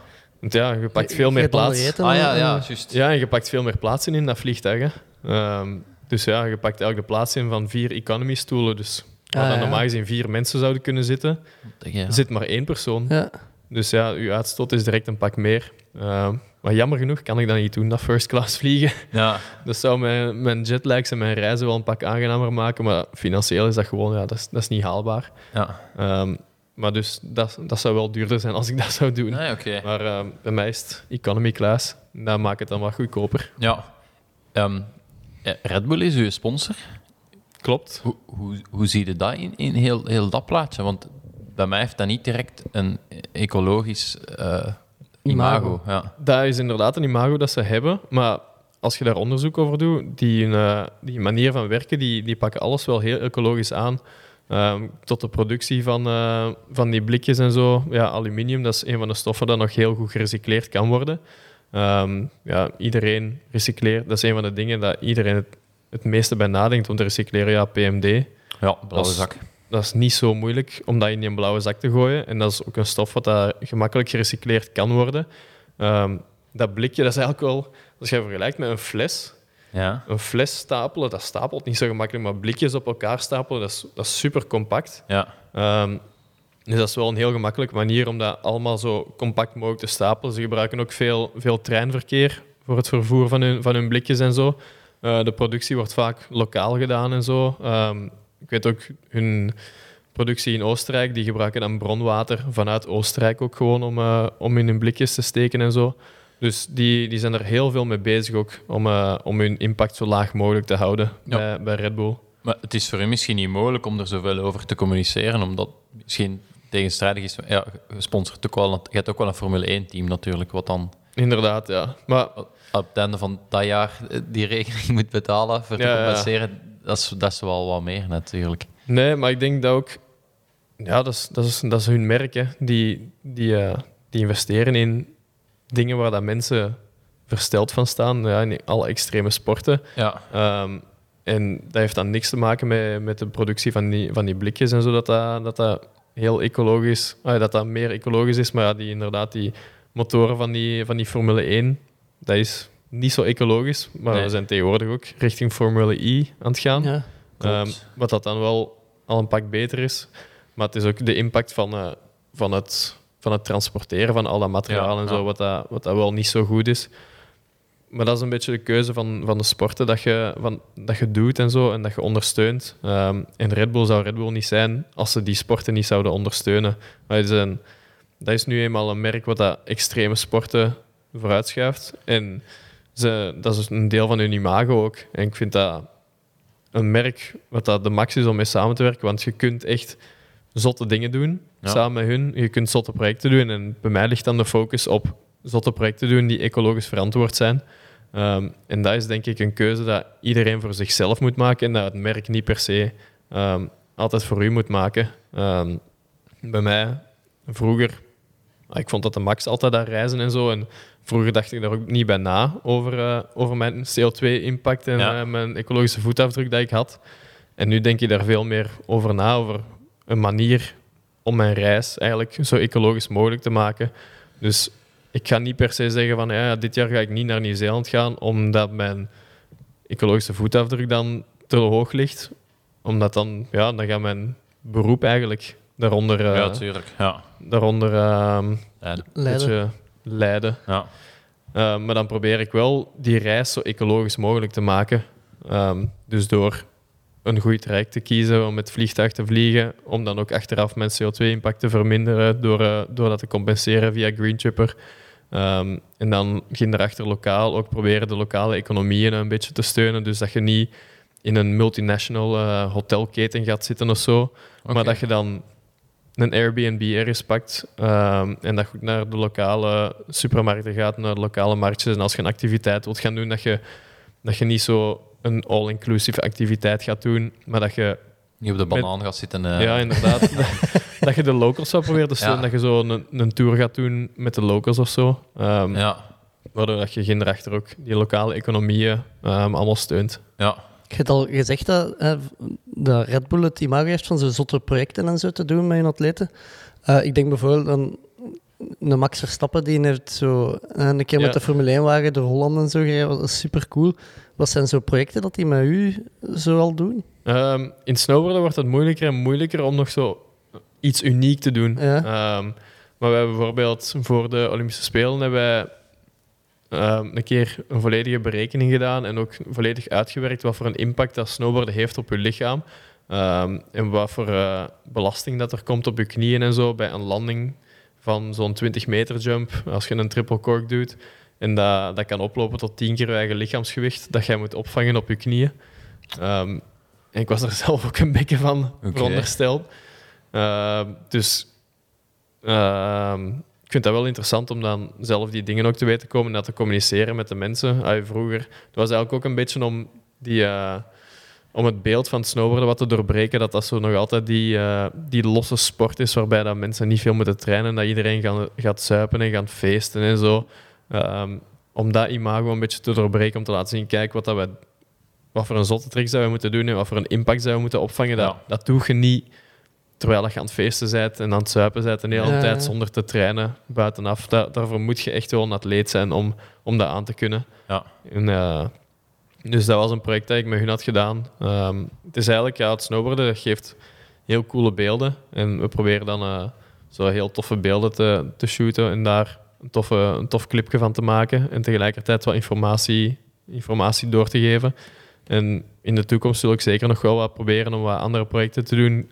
Het is nog altijd wel een beetje een droom om een keer iets te kunnen doen in België wat dat snowboard gerelateerd is, maar het is heel moeilijk om, eh, om wel iets tof te vinden en er valt heel weinig sneeuw. Ik, ik wil niet iets gaan doen op een indoorpiste in België, het moet dan wel effectief buiten zijn.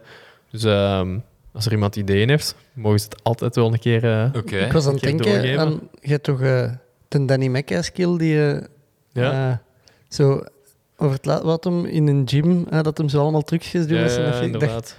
Als je zo dat concept, maar je wilt niks indoor doen, maar in een indoorhal Ja, ja. in België zou kunnen doen. Allee, wat dat... Ja, ik, ik zou het liefst... eh, ja, ik ben een beetje opgegroeid op een indoorpiste met snowboarden, maar ik kom daar tegenwoordig echt niet meer zoveel op die indoorpistes. Dat is enkel in de zomer om zo wat mijn feeling te onderhouden op het snowboard. Maar ehm, ja, in de bergen, wij springen jumps van 20 meter. En het Ja, grootste wat we hebben liggen hier is 6 à 7 meter.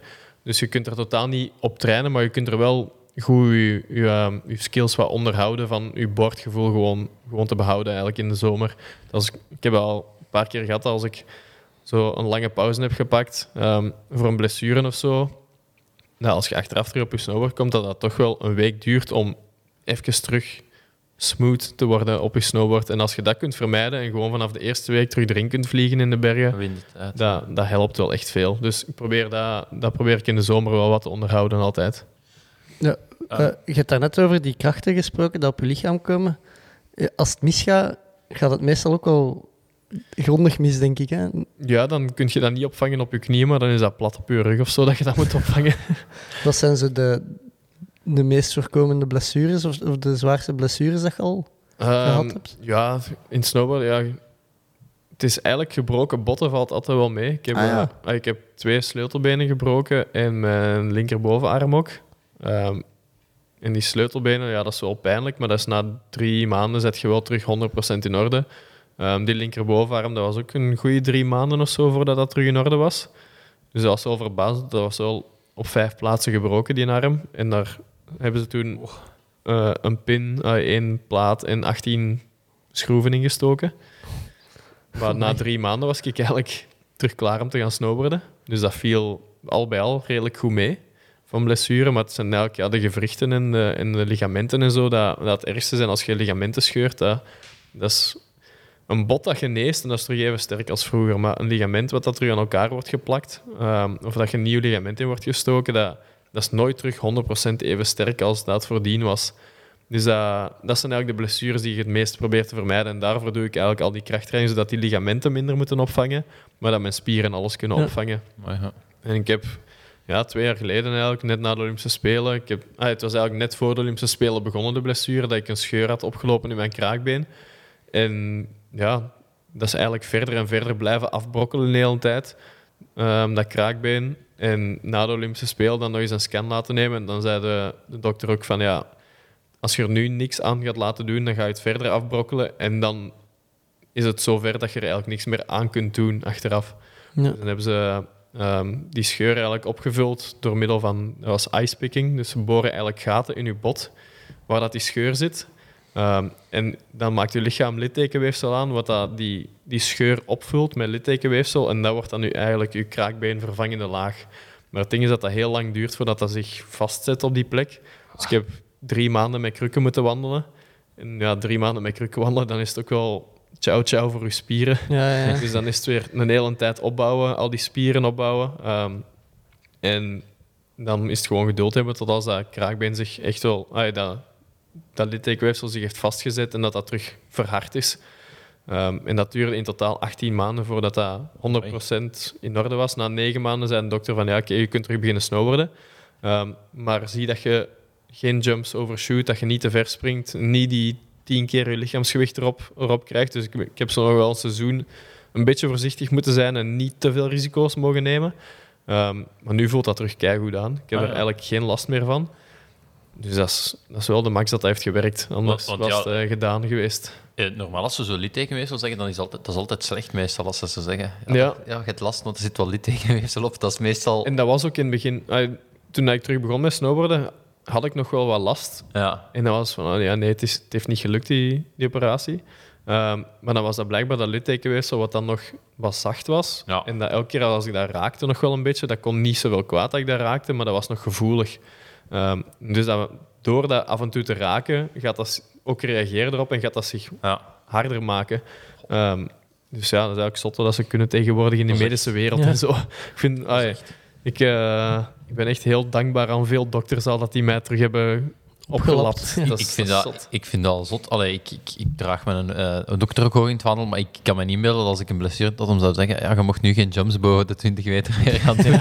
dat mijn dokter bekwaam is in het vak advies Ja. geven voor eh Nee, dat is, snowboarders. ah, dat is professor Bellemans. Ah, ja. Ehm, Ah, ja, ja. Dus die mens, die, eh, dat, is, dat is echt een, een hele goede mens op het vlak van topsporters verzorgen. Die, ja, tuurlijk. als je Vooral daarheen- knieën zeker ook, hè? Vooral knieën. En het is ook als je daarheen gaat, zo, sommige dokters die zijn zo van ja, ik zou toch wel voorzichtig zijn. ehm, ik zou proberen een beetje op een lagere pitje te snowboarden. Of ja, je sport. Ja, dat sommige mensen daaraan komen met blessures. Dat ze zeggen ja, je gaat nooit meer kunnen lopen of je gaat nooit meer dit kunnen doen. Bij, bij Ja. Bellemans is dat echt. Die gaat er alles voor doen om je terug Ja, te laten sporten, omdat hij gewoon weet hoe belangrijk dat sport is voor iedereen. Ja. Ehm, en die gaat iedereen er proberen terug op te lappen en dat, die, dat iedereen zijn sport terug kan doen. En bij mij is dat volledig gelukt. Dus eh, Mooi, chapeau. merci, Credits. professor Belmans. Ja. En eh, psychologisch, hoe zit dat? Als je zo van 20 meter neerkomt en je moet daarna terug naar boven. Als het een keer fout gaat, dan moet je inderdaad wel mentaal af en toe sterk zijn om te zeggen, ik ga het nog eens doen. Of, of beseffen eigenlijk dat, dat je het niet nog eens moet doen. Ja. Op het moment dat, dat het echt fout is gegaan. Maar het is eigenlijk op voorhand moet je al heel veel bepalen of dat je het gaat doen of niet. Het is heel belangrijk om een, een verschil te kunnen maken tussen wanneer dat wel en niet het moment is om iets nieuws te proberen. Ehm, en dat is heel veel mentale voorbereiding en heel veel visualisatie vaak. Ehm, Ja. Ik probeer echt, voordat ik iets nieuws ga proberen, dat ik dat 100% kan inbeelden al. En dat ik dat voor mij kan zien van wat dat er gaat gebeuren in de lucht, wat dat ik ga zien, hoe dat, dat gaat aanvoelen en zo. Ehm, voordat ik dat voor de eerste keer probeer. En dan loopt dat meestal redelijk goed af. Ik ga niet zeggen dat ik dan van de eerste keer land, maar dan kom ik meestal wel van de eerste keer op mijn voeten terecht. Ja. Ehm, of dat ik in de lucht een noodscenario even, dat ik eh, een oplossing kan vinden in de lucht, omdat ik gewoon weet waar dat ik ben en weet wat dat er aan het gebeuren is. Ehm, dat ik dan een oplossing kan vinden om toch nog op mijn voeten terecht te komen of op een zo comfortabel mogelijk manier te vallen, om Ja. het Mooi. Ja. te zeggen. Ehm, maar dan, meestal kun je dan wel blessures vermijden. En op het moment dat je er niet zeker van bent, ehm, of, dat je, of dat je het niet snapt in je hoofd, of dat je schrik hebt, en je, je slaagt er niet in om die schrik om te zetten in adrenaline eigenlijk, dan is het waarschijnlijk niet het moment om iets nieuws te gaan proberen. En dat is ook hetgeen wat in het snowboarden heel belangrijk is, is dat een trainer of een coach kan u niet verplichten om iets te doen. Het is altijd in samenspraak met een coach dat je werkt. Ja. Ehm, en ik heb echt al momenten gehad van dat ik me niet 100% voelde op mijn snowboard. En dat ik dacht van ja, vandaag is niet een dag. Maar dat, dankzij de coach dat hij mij in een, in een goede sfeer zet eigenlijk. ehm, dat ik toch eigenlijk ineens mentaal er klaar voor kan zijn. Ja. Ehm, en dat is niet omdat hij dan zegt, ja, je, je moet dat nu doen. Dat is gewoon, die kan u zo wat... Dat is belangrijk, dat je een coach hebt waarbij dat je je goed voelt en dat je... En voor mij is dat eigenlijk een goede vriend van mij eerder. Ja, ja. Ehm, dat je nu gewoon op je gemak kan stellen en dat je dan misschien met nog een paar andere dingen te proberen eerst, dat je dan wel ineens je feeling vindt en dat je dan wel ineens kunt proberen. Ja. De mijne zegt dan altijd, je moet eens nadenken wat je al gedaan hebt en, en hoe dat, dat ging en hoe dat je... Ja. En, en vergeet dat niet. En, Ja, eh, inderdaad. Dat, kun je inderdaad wel... Kun je inderdaad een keer nog eens de, de stap onder die trick dat je wilt Ja. doen, die stap nog een paar keer herhalen. En als je je dan goed daarbij voelt, dat je dan ineens zo'n klik hebt in je hoofd van, ah ja, wacht, nu snap ik het. Of, of nu voelt het goed aan en ik kan het doen. Ehm, en dat is wel belangrijk, dat je een coach hebt die je kan, die je kan motiveren, Ja. altijd. Dat, dat is voor mij bijna belangrijker dan een coach te hebben die alles op technisch vlak kent. Omdat uiteraard, ja, in het snowboarden, je moet het zelf voelen. Het is niet dat een coach het u uitlegt en dat is van, ah ja, oké, ik zal dat even doen. Je moet zelf voelen en snappen wat dat er gebeurt en wat dat je moet doen voordat je iets gaat doen. Ehm, en als dat, als dat niet het geval is, dan denk ik niet dat het een goed moment is om iets te proberen. Nee. Je kunt niet gewoon zeggen van, ik kan dat een keer proberen en zien wat dat er gebeurt. Je moet er wel klaar voor zijn voordat je iets gaat proberen. Ja. Amai, ja. Ehm, over die andere projecten gesproken, je, je hebt Piek Lenin, Lenin beklommen en je bent naar beneden ge... Snowboard, Ja. levensgevaarlijk. Ja? Echt? Ja, nee, het was wel... eh, dat was wel misschien iets waarbij dat ik niet echt goed wist waaraan dat ik begon. Ehm, maar dat was een vriend van mij die zei van... Ja, wilt jij mee de Peak Lening gaan beklimmen en naar beneden snowboarden? en ik dacht, ja, dat is goed. Let's go. En zo, ja, dat is 7000 meter. Ah ja, oké, dat is goed. We zullen een keer zien. We zullen een keer proberen. We hadden wel goede begeleiding ehm, van eh, een kinesist en dan eh, zijn vrouw, Sophie. Sophie. Die, gast eh, geweest bij ons. Ja. Oké. Ehm, dus ja, zij heeft de Seven Summits eh, Yes. gedaan. Ja.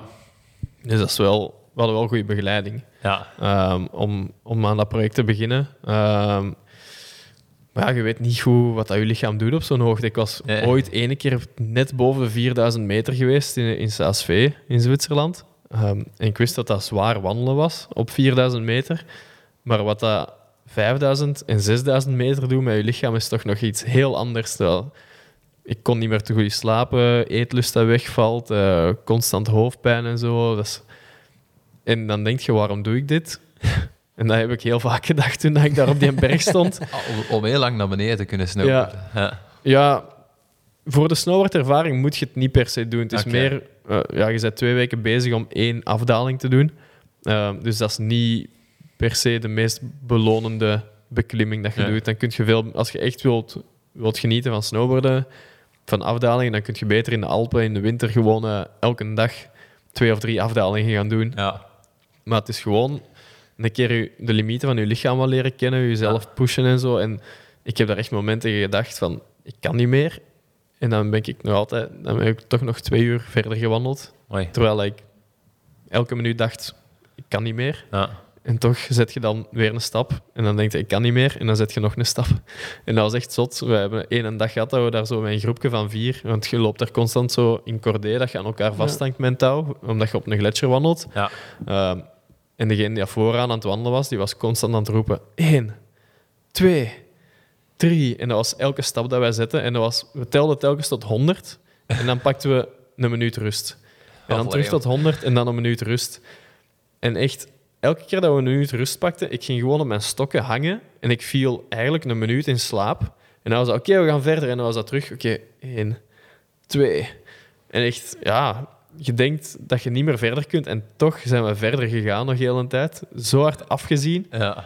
En ik heb me zo slecht gevoeld constant. En toch achteraf had ik, heb ik daar zo'n voldoening van gekregen. Omdat je, ja, je hebt echt je lichaam leren kennen. Je hebt jezelf gepusht tot limieten. Ja. En toch was dat cool dan achteraf om dat mee te maken. Terwijl dat je constant het afgezien bijna. Ja. Ik was vooral aan het denken wat een machine is die dat daar op kop loopt te roepen. Ja, al de rest, eh, Ja, die voelde zijn eigen nog wat beter die een dag. En Hij zei ook al van, ja, ik heb ook wel afgezien, maar ja, sommige mensen reageren beter op hoogte dan anderen. Want we hadden ook een vriend bij die... eh, het, ons Advanced Basecamp lag op 4500 en die had eigenlijk vanaf dat wij in het Basecamp waren, wat dat op 3500 meter lag, had hij al hoofdpijn. En, eh en kon hij al die, niet meer slapen. ik zou ook die vriend zijn. Ja, dat is, zot, dat is zot. Je kunt dat niet op voorhand voorspellen. Je conditie Ja. kan, want die, die was fysiek was die echt goed in orde. Ja. Eh, maar die, die kon gewoon vanaf de 3.500 meter. En die heeft ook al zien in de Alpen op een gletsjer gaan. Dan heeft hij, heeft hij daar moeite mee. Ja. Ehm, die is niet boven de 4.500 meter geraakt. Die, is direct moeten, ah, die heeft eigenlijk gewoon zijn ticket veranderd. Vanaf dat hij die eerste beklimming heeft geprobeerd. En we waren halverwege die beklimming en die, die zag zwart voor zijn ogen. En die, die kon gewoon niet meer verder gaan. Ehm, dus je kunt dat niet op voorhand Nee, voorspellen nee, hoe nee. dat je daarop gaat reageren. Je kunt fysiek perfect in orde zijn, maar je lichaam op hoogte is, dat is iets heel specifiek. En dat was wel iets speciaal, want ook de eerste keer dat ik... We hebben dan ook met acclimatisatietochten gewerkt. De eerste keer dat ik daar naar 5000 meter ben gegaan, dan heb ik daar zo hard afgezien. Ik heb daar echt geen oog dicht gedaan. Ik was aan het hallucineren in mijn slaap en zo. Constant koppijn. En toen hebben we, die, dan hebben we een eerste afdaling gedaan vanaf 5000 meter om zo ja, die acclimatisatietocht af te werken. En ik ben met mijn eerste bocht gewoon gevallen. Dus gewoon een, een standaard bocht maken en ik viel gewoon om. Ik kon, ik kon niet meer snowboarden. En dat was echt zot. En dan een tweede keer dat we op 5000 meter kwamen, was ik keigoed in orde. Ik had geen hoofdpijn, ik heb daar goed geslapen. En dan zijn we naar 6000 gegaan, naar het volgende kamp. Was ik terug aan het hallucineren. Was ik, Ja. had ik terug hoofdpijn. Ehm, dus ja, dat is, je lichaam wordt er wel aan gewoon, aan zo'n hoogte. Ja. Dus ik denk, ehm, als je daar nog een week extra zou zitten, dat je daar wel meer dan één afdaling zou kunnen gaan doen. Ja. Maar dan moet je wel heel lang daar, eh, daar op die berg zitten. Ja. En bijvoorbeeld, ja, als je Mount Everest of zo wilt doen, dan zit je daar meer dan een maand. Eh, dat is 8800 meter. En nu zaten wij, zijn we naar 7000 gegaan. Ehm, dus ja, hoe hoger dat je gaat, hoe langer dat je erover doet. Ja. Maar dus dat is niet per se een ambitie voor mij eigenlijk om, Ja. om hoger en hoger te gaan. Voor mij blijft snowboarden nog wel een prioriteit. Dus, Ah. Ehm, maar om dan zo de combinatie te kunnen doen van, van een keer een hoge berg te beklimmen ehm, en daar vanaf te kunnen snowboarden, is wel iets wat ik nog wel zie zitten om in de toekomst nog een keer te doen. En dat zijn zo van die, van die coole projectjes om te doen. Nou, moet ook niet altijd, altijd super extreem zijn voor mij. Ook, Ehm, ik probeer ook zo wat projecten te doen in de winter ehm, om, om een keer met een groep samen te komen. Ehm, en dan een keer naar een hut te gaan in het midden van de bergen en daar, eh, daar dan een week te verblijven en alles te, alles te filmen terwijl we op die berg zitten. Ja. En dan gewoon ja, een week lang allerlei verschillende, verschillende bergtoppen beklimmen, dat daar rond die, rond die hut liggen. En dan daarvan af te dalen. En dat gaat dan niet 7000 meter zijn, ehm, maar dat is dan ja, 2000, 3000 meter. Maar dan kun je wel elke dag iets doen. En Ja. dan maakt die snowboardervaring wel een pak specialer. En ja, dat zijn, dat zijn van die toffe projectjes om te doen. ehm, inderdaad, samen, samen met Red Bull. Ehm, die zijn er wel voor geïnteresseerd. En met Skoda werk ik ook samen sinds, sinds twee jaar. En die zijn er ook wel, eh, heel geïnteresseerd in. om zo'n dingen, om zo'n dingen te doen. Dus dat is wel de max om, eh, om eigenlijk naast het competitieve ook, ook zo'n projectjes te kunnen doen. Ja. Dat is zo soms wat batterijen opladen. Als je, als je constant aan het trainen bent, constant die zware tricks aan het doen bent, ehm, mentaal is dat wel zwaar. En ik vind dat dan, in plaats van dat je een week rust pakt, ehm, ga ik dan liever eigenlijk nog een week ergens anders snowboarden, maar dan gewoon een keer iets helemaal anders gaan doen. Ik vind alle aspecten van het snowboarden gewoon super plezant om te doen. Ja. En als ik dat dan kan combineren met zo'n dingen, ehm, vind ik dat wel de max om, eh, om dat te doen. Ik las over het laatste artikel van eh, een collega-atleet van Red Bull van u, van Kenny Belay, Mhm. dat hij tegenwoordig in zijn sponsorcontracten eh, niet meer heeft staan eh, van de premie voor de zoveelste plaats op een World Cup of zo, maar eerder eh, dat dat echt veel meer ging over social media, van eh, zoveel keer bekeken daar, zoveel... Ja. Eh, is dat bij u ook aan de orde al? Of? Eh, die wedstrijden zijn niet weggevallen, dat zeker niet. Maar ik denk dat Kenny zelf ook wel meer eh, de transitie heeft gemaakt om, om minder wedstrijden te doen ehm, en meer te focussen op, op Die projecten, coole projecten ja. en zo. En als je dat ook ziet, ehm, was het over laatst hij zo in de buurt van, eh, Libanon? van Libanon, inderdaad. Ja, hij heeft een, een wandelroute in Libanon door Ja, fiets, Dat allee, was met echt, de eh, fiets ik vond dat super cool. En als je dan, ja, daarin, dan is het inderdaad, ja, als je dan sponsorinkomsten wilt krijgen, als je geen wedstrijden meer doet, dan moet je het inderdaad uit iets anders halen. En ja, in, in het algemeen is ook de wereld een beetje veranderd. Ja. Vroeger de social media was veel minder belangrijk. En nu is dat inderdaad wel belangrijker geworden. Dus bij mij is het nog wel zeker een combinatie van alle twee. Ehm, maar als ik in de toekomst misschien wat meer van dat wedstrijden ga afstappen op een bepaald moment en ook meer richting vol, volop in die projecten ga en zo, dan eh, denk ik dat mijn contracten ook meer die richting uit zullen gaan. Maar momenteel is het nog wel eh, een heel toffe combinatie van de twee Ja. dat ik heb. Dus eh, ah, ik, ik vind dat wel heel plezant om, om alle twee die aspecten nu momenteel te kunnen combineren.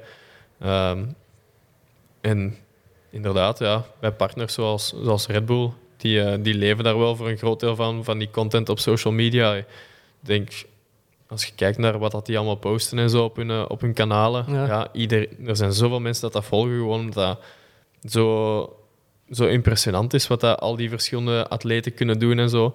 Ehm, dus ik vind dat wel de max om met zo'n merk samen te kunnen werken. Dat, dat eigenlijk allemaal van die extreme sporters heeft in verschillende sporten ook. En we zitten ook in België met veel verschillende sporters. En ja, we hebben allemaal ons eigen ding dat we doen, maar tegelijkertijd hebben we wel dezelfde passies. En dat is wel plezant als we dan een keer kunnen samenkomen met al die atleten op een, op een teamdag.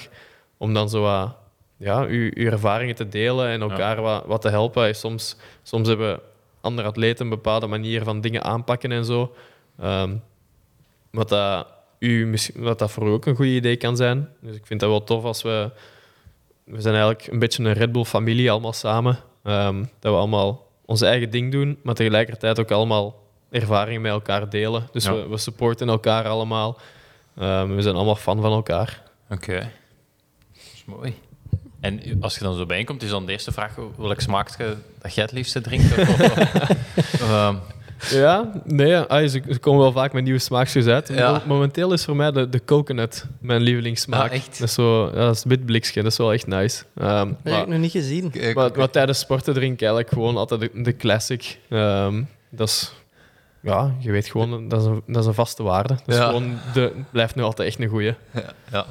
Dus, ja, dat is inderdaad, ah, het gebeurt gewoon heel weinig dat we met elkaar kunnen samenkomen. Ja, dat we allemaal zo, zo druk bezig zijn met de sport en we reizen allemaal veel. Dus Ja. de kans dat we, we hebben nog nooit met allemaal samen kunnen komen, dat Ja. iedereen erbij is. Ehm, maar we zijn nu wel aan het zien voor, voor binnenkort nog eens een keer af te spreken met z'n allen. Ehm, dus met dat er nu veel wedstrijden en trainingen en zo gecanceld worden, kunnen we misschien een keer met bijna iedereen gaan samenkomen. Dus dat zou wel tof zijn. Ehm, maar we moeten zien wat dat we kunnen doen dan. Ehm, wat dat volgens de maatregelen kan gebeuren allemaal. Ja. Ja, en je- allee, je, je bent je bent nog wel multisport, want je fietst ook veel, dus je kunt nog wel, eh, je kunt misschien nog eens... Ja, ja inderdaad. Nee, ik De probeer... Wout en de Marten op hun doos geven. Ja, ja. pijns het niet. Als ik dat zie, wat dat die allemaal van afstanden fietsen en wat dat die trappen van wattages. Ja. En af en toe zie je dus ook een hartslag erbij staan. Dan denk je echt van, ja, dan gaan die... ja, de Martin die gaat dan lopen aan, eh, aan een tempo van 15 per uur. Ja, voor een heel lage 15 hartslag. kilometer. En Ja. die zit dan in 120, dan denk ik maar, hé, ja. je bent zot. Eh, en dan toeren van 300 kilometer gaan fietsen. Ik heb, ik heb vorige, vorige week mijn eerste keer, voor het eerst in mijn leven, een col omhoog gefietst. Oké. Ik heb hem dan twee keer gedaan ineens. Ja, maar je- was dat met, met de koersfiets of was dat met... eh, Wel, wel met een koersfiets, ja. Eh, ja, met de mountainbike zou dat wel heel zwaar zijn. Ja, mountainbike, ja, dan, dan je trapt omhoog om Ja. een avontuurlijke rit naar beneden te doen. ja, En nu was dat echt gewoon puur om een keer goed af te zien. ja. Ehm, en goede training was dat in één keer. Dus En hoe, hoe hard rijden met de fiets naar beneden? Of valt dat wel mee? Neem je daar ook... Rem daar... ik, ik, eh, ik denk wel dat ik iemand ben dat af en toe een keer wel wat risico durft te nemen. Maar het was, daar hadden we in de afdaling, langs de ene kant hadden we wel een heel open, vrij stuk. Ehm, en daar wel even goed doorgevlamd. Ja. Ehm, dus dat is wel, wel cool. Maar het was, het was eh, ja, dat was voor mij de eerste keer dat ik echt zo Heb een call 100 heb gereden. 100 per uur gereden? Nee, zot. Ja, oké. Eh, ik weet niet hoe dat je dat haalt, 100 per uur. Dan moet je echt wel een heel open, Martin, vrij stuk baan hebben. Ja, de Martin kan u dat perfect uitleggen. Ja, ik zal hij, heeft het mij, heeft het mij ook geleerd vorige week. Dus eh, ja, hoe dat je op je buis moet gaan zitten en, en eh, je aerodynamisch maken. Ja. En die, eh, ik ben ooit met, met hem met Jelle Geens eh, gaan skiën. En die had toen eh, in skiën ook wel eens, denk ik, 90 per uur gehaald. eh, Oké, wat. Dus ik, hij kan ook wel skiën. Ja. Hij was toen wel gevallen. eh, maar Tegen 90. Oeh. tegen, ik denk Oh dat, dat het... eh, ja, het was een redelijk pijnlijke val toen. Met snowboarden durf ik wel harder gaan. Hoe, ja. hoe snel... Eh, het snelste dat ik mezelf een keer heb gemeten was 126. Miljard. Ja. En hoe, wat, wat is de snelheid als je zo afzet op een big air of zo? Z- 60 per Ah. uur. Ah, tussen de 50 en de 70 ruwweg, afhankelijk Ja. van wat voor een jump dat is. Ehm, maar ik heb al wel een keer een jump gesprongen waar ik zo ongeveer 80 per uur voor moest gaan. En dat, dat is echt wel ineens een pak harder, 80 per uur. Nou, zeker als je dan in de lucht hangt, dan voelt je die, die wind eigenlijk in de lucht. Ah, Ja, ja. Je kunt zo af en toe, als er veel tegenwind staat, heb ik dat ook al meegemaakt, dat je je plank zo wat vooruit kunt zetten tegen de wind en dan kun je zo'n beetje Ja, zo sturen. spelen eigenlijk in de wind. Dus het is eigenlijk soms gemakkelijker om een rotatie te doen, dat je dan veel minder last hebt van die wind. Mooi. Straf. Ja. Nee, dan, dat, is, ah, ja, dat is wel... Nu, nu ga ik niet zeggen dat je, als je een grote jump gaat springen, dat je beter ineens een rotatie erop doet. Het gebeurt vanzelf Ja. misschien. Nee, dat is, dat is wel... ah, ik vind dat... Ik heb die wind en zo, dat is ook vaak een referentie voor mij. Ehm, Ja. van, van snelheid en zo. Op de, als ik aanrijd op een jump, dat is eigenlijk een van de redenen waarom dat ik ook zonder muziek snowboard altijd, is omdat ik wil horen hoeveel wind dat er langs mij ruist. ja. Ehm, om dan een indicatie te hebben van hoe snel ik aan het gaan ben. Mooi. Ja. En de, wat, wat ik me nog afvroeg is, als je met de mountainbike of eh, met een durofiets of zo springt, eh, de transfer van het gevoel van vliegen, van snowboarden naar de fiets, of is dat toch nog iets totaal anders?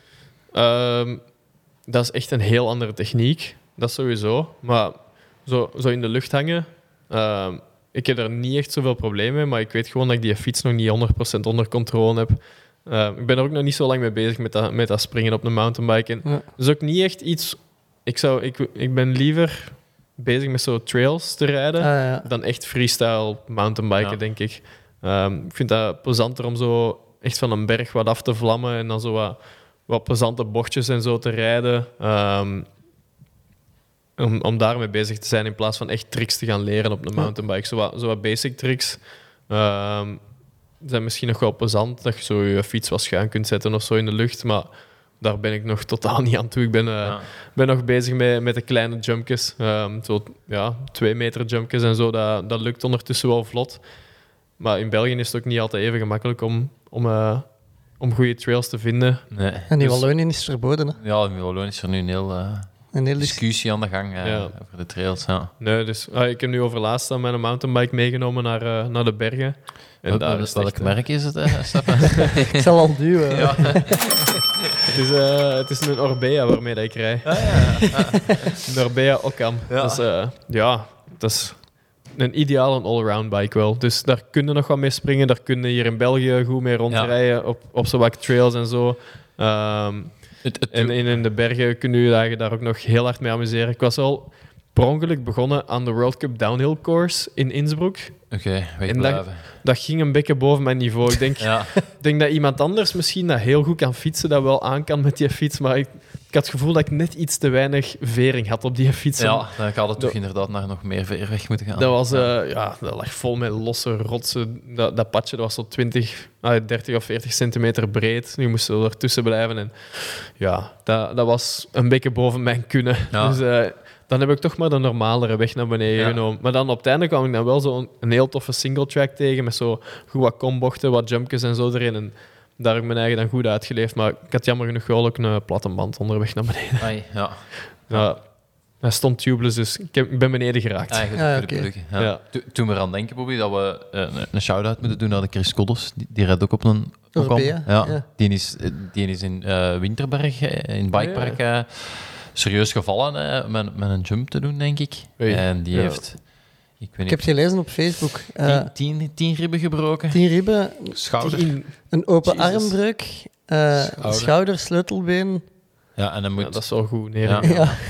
En Chris kan, kan wel redelijk goed, allee, kan redelijk goed fietsen, dus ah, Ja. eh, nu, ik wil geen schrik aanjagen. Zo. Nee, Ja, maar Winterberg stond ook op mijn lijstje om een keer heen Ja. te gaan. Ik vind, ik vind dat de max om zo in de zomer wat andere sporten te doen. Nou, ik ben nu... ehm, vorige zomer heb ik bijvoorbeeld ook een reis gedaan door Noorwegen. Bikepacken. Ehm, met, de, met de fiets. Een maand uh, Ook een Orbea trouwens. op de Norbea. maar dan de, de gravelbike. Ja, ja. Dat zou ik echt niet, niet doen met een mountainbike. Maar Nee. dat, was, dat was magisch. Je geniet zoveel meer van wat dat je overal tegenkomt en zo. Ehm, ik vond dat echt, echt een max om te doen. En, ehm, voor deze zomer stond eh, Schotland op het programma. Op het programma. Ah, ja. Ehm, maar ik heb dat nu even aan de kant geschoven met, met dat reizen en zo allemaal verboden was. En niet echt eraan begonnen aan die planning, omdat ik gewoon niet wist of dat ging mogen of niet. Ehm, dus nu eh, denk ik dat ik het voor volgende zomer ga houden.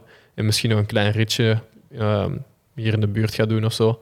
Maar dat is, ik vind dat een heel toffe manier van nieuwe plekken te ontdekken. En je moet ook niet eens zo ver gaan. In Noorwegen is niet zo ver. nee. En eh, ik ben er helemaal heen gegaan, ook met, met trein en bussen en zo. Ehm, dus dat was ja, veel toffe ervaring. En ook gewoon met die trein en bussen, dat is niet altijd de meest ideale verbinding. Maar door die minder ideale verbinding heb ik wel een citytrip in, in, eh, in Kopenhagen, in Hamburg, in Oslo ehm, en in Trondheim gedaan. Oh, is niet slecht, ja. Ja, dus gewoon dat er vaak lange overstaptijden waren, dan dat ik toch een fiets bij had. Ja, gewoon in die steden beginnen rondfietsen en ja, citytripje eraan geplakt. Dus dat is eigenlijk echt de max. En dan ja, in Noorwegen van Trondheim tot in Tromsø gefietst, wat dat 1800 kilometer was. Oh. Ehm, en dan ja, Een vriend Door- van mij heeft daar gestudeerd in Tromsø. nou ja, En dat is helemaal in het noorden, hè? ja, Wat, kun je daar studeren? ja, dat is wel een toffe Dat is stad. een ingenieur, ja, ja. Dus, eh, elektromechanica. daar woont nog veel volk zelfs. Ah, ja. Maar dat is, ja, toen ik daar was, dat was in juni, dus 24 uur zonlicht. Dat was wel eh, een, een coole ervaring. Maar ja. En ja, ik wou gewoon ik wou het ecologisch maken ook. Dus Ja. het was eh, trein, bus naar daar, met de fiets rondtrekken. En constant gekampeerd overal. Dat was echt wel, ja. Ook al heb ik heel veel slecht weer gehad, heb ik- was het nog altijd de tofste reis dat ik tot nu Ah, toe ja. ooit heb gedaan. En ik wil dat echt nog wel een paar keer gaan doen in de toekomst. Mooi. Dat was leuk, ja. Ja. En dat was dan, ja, dat was eigenlijk ook een beetje een, een project in samenspraak met, met Skoda ook. Want zij, Ah ja. zij werken ook, ze zijn ook een heel groot fietsmerk en zo. En zij hebben mij dan ehm, geholpen met het organiseren van die reis, een beetje in, in contact brengen met, uh, met Orbea dan ook voor, eh, voor die fiets en zo. Ja, ja. Dus dat is eigenlijk eh, een ideale combinatie geweest. Ook al eh, heb ik met een auto laten staan, vonden zij dat nog altijd de max dat ik zoiets heb gedaan. Dus dat, Ja. dat, ja, dat maakt wel eh, de reis heel uniek ook. ja. Ja. Bobby, eh, jij kunt ook snowboarden, hè? Ja, dat klopt. Allee, welk, kunnen- welk, welk trucje kun jij? Ik heb ooit eens eh, een backflip gedaan. Ik heb daar een foto van. Of je- Ja, of ik ken op die foto. Ah, Ik ken die foto. Ja, ja. Ja, maar dat was in een diepsnee, hè. weinig Ja? risico aan verbonden. Ehm, maar ik deed dat vroeger vaak zo bij vrienden op de trampoline en zo. Ja. En- ja, het is dat, Als je het op de trampoline kunt, dan kun je het op een Ah, wel, snowboard voilà. of skis. Of ah, zo, ik, was zo die in het middelbaar dat als er een plint stond en een valmat onder lag, als, als de leerkracht even naar het lokaal was, dan deed ik een salto van, Nice. van de plint. Eh, dus ik dacht, ja, ik ga dat gewoon, eh, ik ga dat gewoon eens proberen. Allee, het, het verhaal was, wij waren op skistage met school of zo. En die ski, allee, die snowboardmonitor, die zei, ah ja, we gaan een jump bouwen in een diepsneeuw en er komt een maat van mij en die kan een backflip. En ik eh, met mijn grote mond, eh, als die zegt tegen mij hoe dat je een backflip doet, dan, Dan doe ik een ook. backflip. En ja, die begon dat dus uit te leggen, kon ik niet meer terug. Ik, ben hem, allee, ik heb een keer of zes geprobeerd, ik ben hem nooit super clean geland, maar allee, ik ben toch rondgegaan in de lucht, dus Ik heb ook geleerd in de diep sneeuw. Ja. Dat is ideaal, inderdaad. ja. En ik was ook zo iemand op school dat de turnleerkracht een beetje amputeerde. Ja, ja. Ik had dan zo de trampoline met de valmat achter. En dat was de regel, je mocht geen salto's doen. Dus dan deed ik corkscrews. Daar kon ik niet tegen. ja. zalig. Ja. Eh, Ja, ik was de man in de turnles die bij ons, je moest dan een oefening doen en dan per eh, helper trokken ze een punt af. En ik pakte dan gewoon vier helpers. en ik ontspande mij een beetje en dan, dan deden die eigenlijk met mij die oefening en dan had ik zo vijf en een half op, op Dan zit op er die- nog door, Ja, voilà. En dicht bij snowboarden, ja, ik heb pas drie jaar geleden heb ik leren skiën. En dicht bij snowboarden dat ik ben gekomen is als ik eens één ski ben kwijtgespeeld en dat ik op op één lat stond. op één lat stond, dan dacht ik, dit is het dichtste bij snowboarden dat ik ben geweest. Maar het is Dat is een misschien heel, heel moeilijk om op latere leeftijd aan te leren. Nee, mijn Nee? papa die heeft het geleerd nadat ik het heb geleerd. Dus Ah, dat was, ja, toen was hij dan 40, 45 ergens. Ja. Nog en die heeft nog jumpjes gepakt en zo. Amai. Die, die kan een 180 op zijn, snow- op zijn snowboard. Amai. Het is nog niet te laat. Voilà, Ja, oké, oké. Gaat ervoor. Ja. Iets voor binnenkort en een video. eh Seppe en Seppe gaan snowboarden. Ja, ja, ja. Nee, goed. eh Seppe Smits. Wat dat we ook altijd vragen aan de mensen. ehm, wie vind jij dat we eens moeten uitnodigen? Een interessante mens. De sportwereld, ja. Ehm, Het moet niet per se een atleet zijn, maar ook een coach of een voedingsdeskundige. Of, eh, ja, ehm, iemand gewoon dat iets met sport te maken heeft. ja qua, qua andere sporters. Ik ben wel fan van eh Nafitiam. Dat is, eh, dat is in het Frans dan? Of, dat is in het Frans zo. Hij rijdt ook op een Orbea, maar dat, dat, dat, mag, niet ook op een Norbea. maar dat mag niet geweten zijn. Allee, ja, dat, is niet, dat is niet officieel, 100%. Nee, inderdaad. Die, eh, ah, ik ben echt wel fan van Van wat dat zij doet. Ja. Ik heb er echt super veel respect voor. Hoe dat zij omgaat met sport en leven in het algemeen en zo. En, eh, ja, ik denk dat zij wel heel interessant kan zijn om een keer te horen hoe dat zij in het leven staat en sport met haar eigen leven combineert en zo. Oké. Dat is, dat is voor mij nummer één dat ik zou zeggen dat je moet uitnodigen. Oké. Maar wel in het Frans, inderdaad. Hoe is het Frans, Seppe? peu difficile, maar... Ça va aller, Ça va, ja. ça va aller, ja. Hoi. Google Translate. Nee, goed. eh, de, voor de mensen die u willen volgen, waar kunnen die terecht? Ehm, op mijn Instagram is het meest actief, vooral. Ehm, en Facebook ook nog een beetje. En dat is seppe.smits Ja. op eh, Instagram. En Facebook is gewoon Seppe Smits. Oké. Wat staat er op de planning de komende maanden en komende winter bij u nog? Normaal gezien zou ik in Australië en Nieuw-Zeeland zitten, maar ehm, ja, dat is echt wel iets te ver en te risicovol om daarheen te reizen. En het is ook verplicht twee weken quarantaine daar, dus dat is niet echt de moeite om deze zomer heen te gaan. Ehm, dus ik ga in de Alpen wat zitten. Ehm, ik ben nu een beetje aan het wachten tot ze ergens een, een goed park terugbouwen. Ehm, de kans is groot dat dat in Zwitserland zal zijn. De eerste volgende keer dat ik terug naar de, naar de bergen trek. Voor de rest, ja, hier in België een beetje nog, eh, nog fysiek mezelf gewoon constant blijven onderhouden. En eh, zien dat ik zo sterk mogelijk sta eens dat de bergen terug open gaan en dat er terug parken zijn. Dus dat is eigenlijk eh, het plan. En dan ja, op de indoorpistes nog wel een beetje gaan zitten in de tussentijd. In afwachting tot, eh, tot als er iets in de bergen open gaat. En veel nog gaan fietsen en eh, ja, met vrienden nog wat afspreken. Ja. Nog wat barbecues gaan doen. Een beetje genieten van, van de zomer ook. Dus dat is, is wel het plan momenteel. Ja. En wat mogen we toewensen? Wat wil, als je Eh, ambitieus mocht zijn? een blessurevrij seizoen. Ja. Ik denk, ik, eh, ik heb nu drie seizoenen lang gesukkeld met een knie. Dus ik heb echt een keer zin om een volledig seizoen te doen. Van begin tot einde, zonder zware blessures en met veel sneeuw. Oké, goed. Oké. Is dat, is dat niet te veel? Nee, nee, nee. Ik, ik wou nog juist vragen, stel nu, ik wil graag eens met Seppe Smits naar de Alpen rijden, dan kan ik dat ook gewoon volgen op die... Blablacar. Blablacar. Ja, en dan Ja. kan ik gewoon zeggen van... eh, Ja, ik moet er eigenlijk niet zijn, maar ik rij wel gewoon graag mee. Ja. Dat gaat. En, dan ik moet je- betaal, en ik betaal mijn deel Ja, van. voilà. En dan kans is dan groot dat ik dan drie of vier weken later terug naar huis rijd. Ah, ja. Dus eh, dan pak ik u al mee, er is plaats genoeg in mijn auto. Ja, ja, Oké. Dat, is, dat is wel cool. hè. En, Voor de fans, hè, ja. Als je... ja. Je, kunt- je kunt uw fiets ook meenemen ineens dan. Ja, dat is waar. Kunnen we wat, wat rondfietsen ook nog in de Alpen. Ja, maar jumps tot twee meter, eh, dat is voor mij toch al... eh, ik, ben zo, Ambitieus. ik ben zoveel veerweg niet gewoon. Kun, eh. kunnen altijd een call gaan rijden ook. Hè. ja, voilà. Ik, ik kan dat ondertussen nu ook. Goed. Merci voor uw tijd, Seppe. Graag gedaan. Jullie An- bedankt. Andere Seppe, merci om... eh, Ja, Tot in Gent de even taxi, ook, ik, ik noem wel officieel Seppen op. oké. Het zou nu grappig zijn, moest ik zo Jozef in het echt noemen. nee, nee, ik noem echt Seppen. Ja, nu dat je Jozef zegt. Is dat toevallig dat je Jozef zegt? Omdat dat in Oostenrijk Ja, komt dat, ik denk dat de naam Seppen eh, oorspronkelijk wel van Jozef dat is. afkomstig is. hè? In Oostenrijk, de mensen die Jozef heten, die veranderen doorheen hun leven drie keer van naam. Echt? Ik weet niet de juiste volgorde, maar het is, Ah, ja, ja. Het is Sepp, Seppi en Seppel.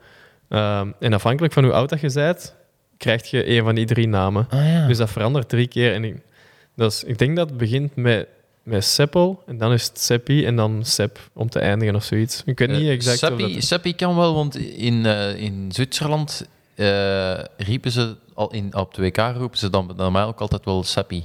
Ah, ja. Dus, maar ik Ja. weet niet welk. Allee, dat kan toch ook wel pijnlijk zijn dat je dan ineens in die andere fase zit. Dat, dat ze je oud vinden of zo. Dat je, Ja, nee, ik, ik weet niet exact welke volgorde dat is, maar het is, eh, ik vond dat echt verbazend. Zo'n maat van mij dat daar eh Seppel heet. En dat is zo... Die laat zo een pas een keer zien, dat staat zo gewoon Jozef op. En ik denk echt van... hoe komt je van Jozef, Jozef op Seppel? en dat is blijkbaar binnen, heel jaar, normaal. binnen tien jaar heb je weer een andere naam dan. Of... Ja, en mensen hebben mij dat in Oostenrijk al echt gevraagd toen dat die, als, ik, als ik mijn naam zeg, zo je Jozef? Wat? Nee. ja, nee, dus dat is daar blijkbaar eh, normaal dat je van Ah, ja. naam verandert. Oké. Goed. Eh, ja, Jozef en Jozef. Me- merci voor de tijd en eh, voor het gesprek. Dit was het voor mij voor deze week. Tot volgende week. Willen ze nu of willen ze niet? Doen we het of doen we het niet? Tommeke, Tommeke, Tommeke, wat doe je nu? Tom Bonne gaat wereldkampioen worden. Hij rijdt 5 per uur. Te snel voor ons. Stop! Danny, stay on your fight! Fred Kaap. En nog Fred. Jeff doen is iets. Jeff! Wat is er mis met Dumoulin? Hollands poepen. Hij heeft diarree. Don't stand on my dog or I cut your head off. Daar is hem, daar is hem! Daar is hem!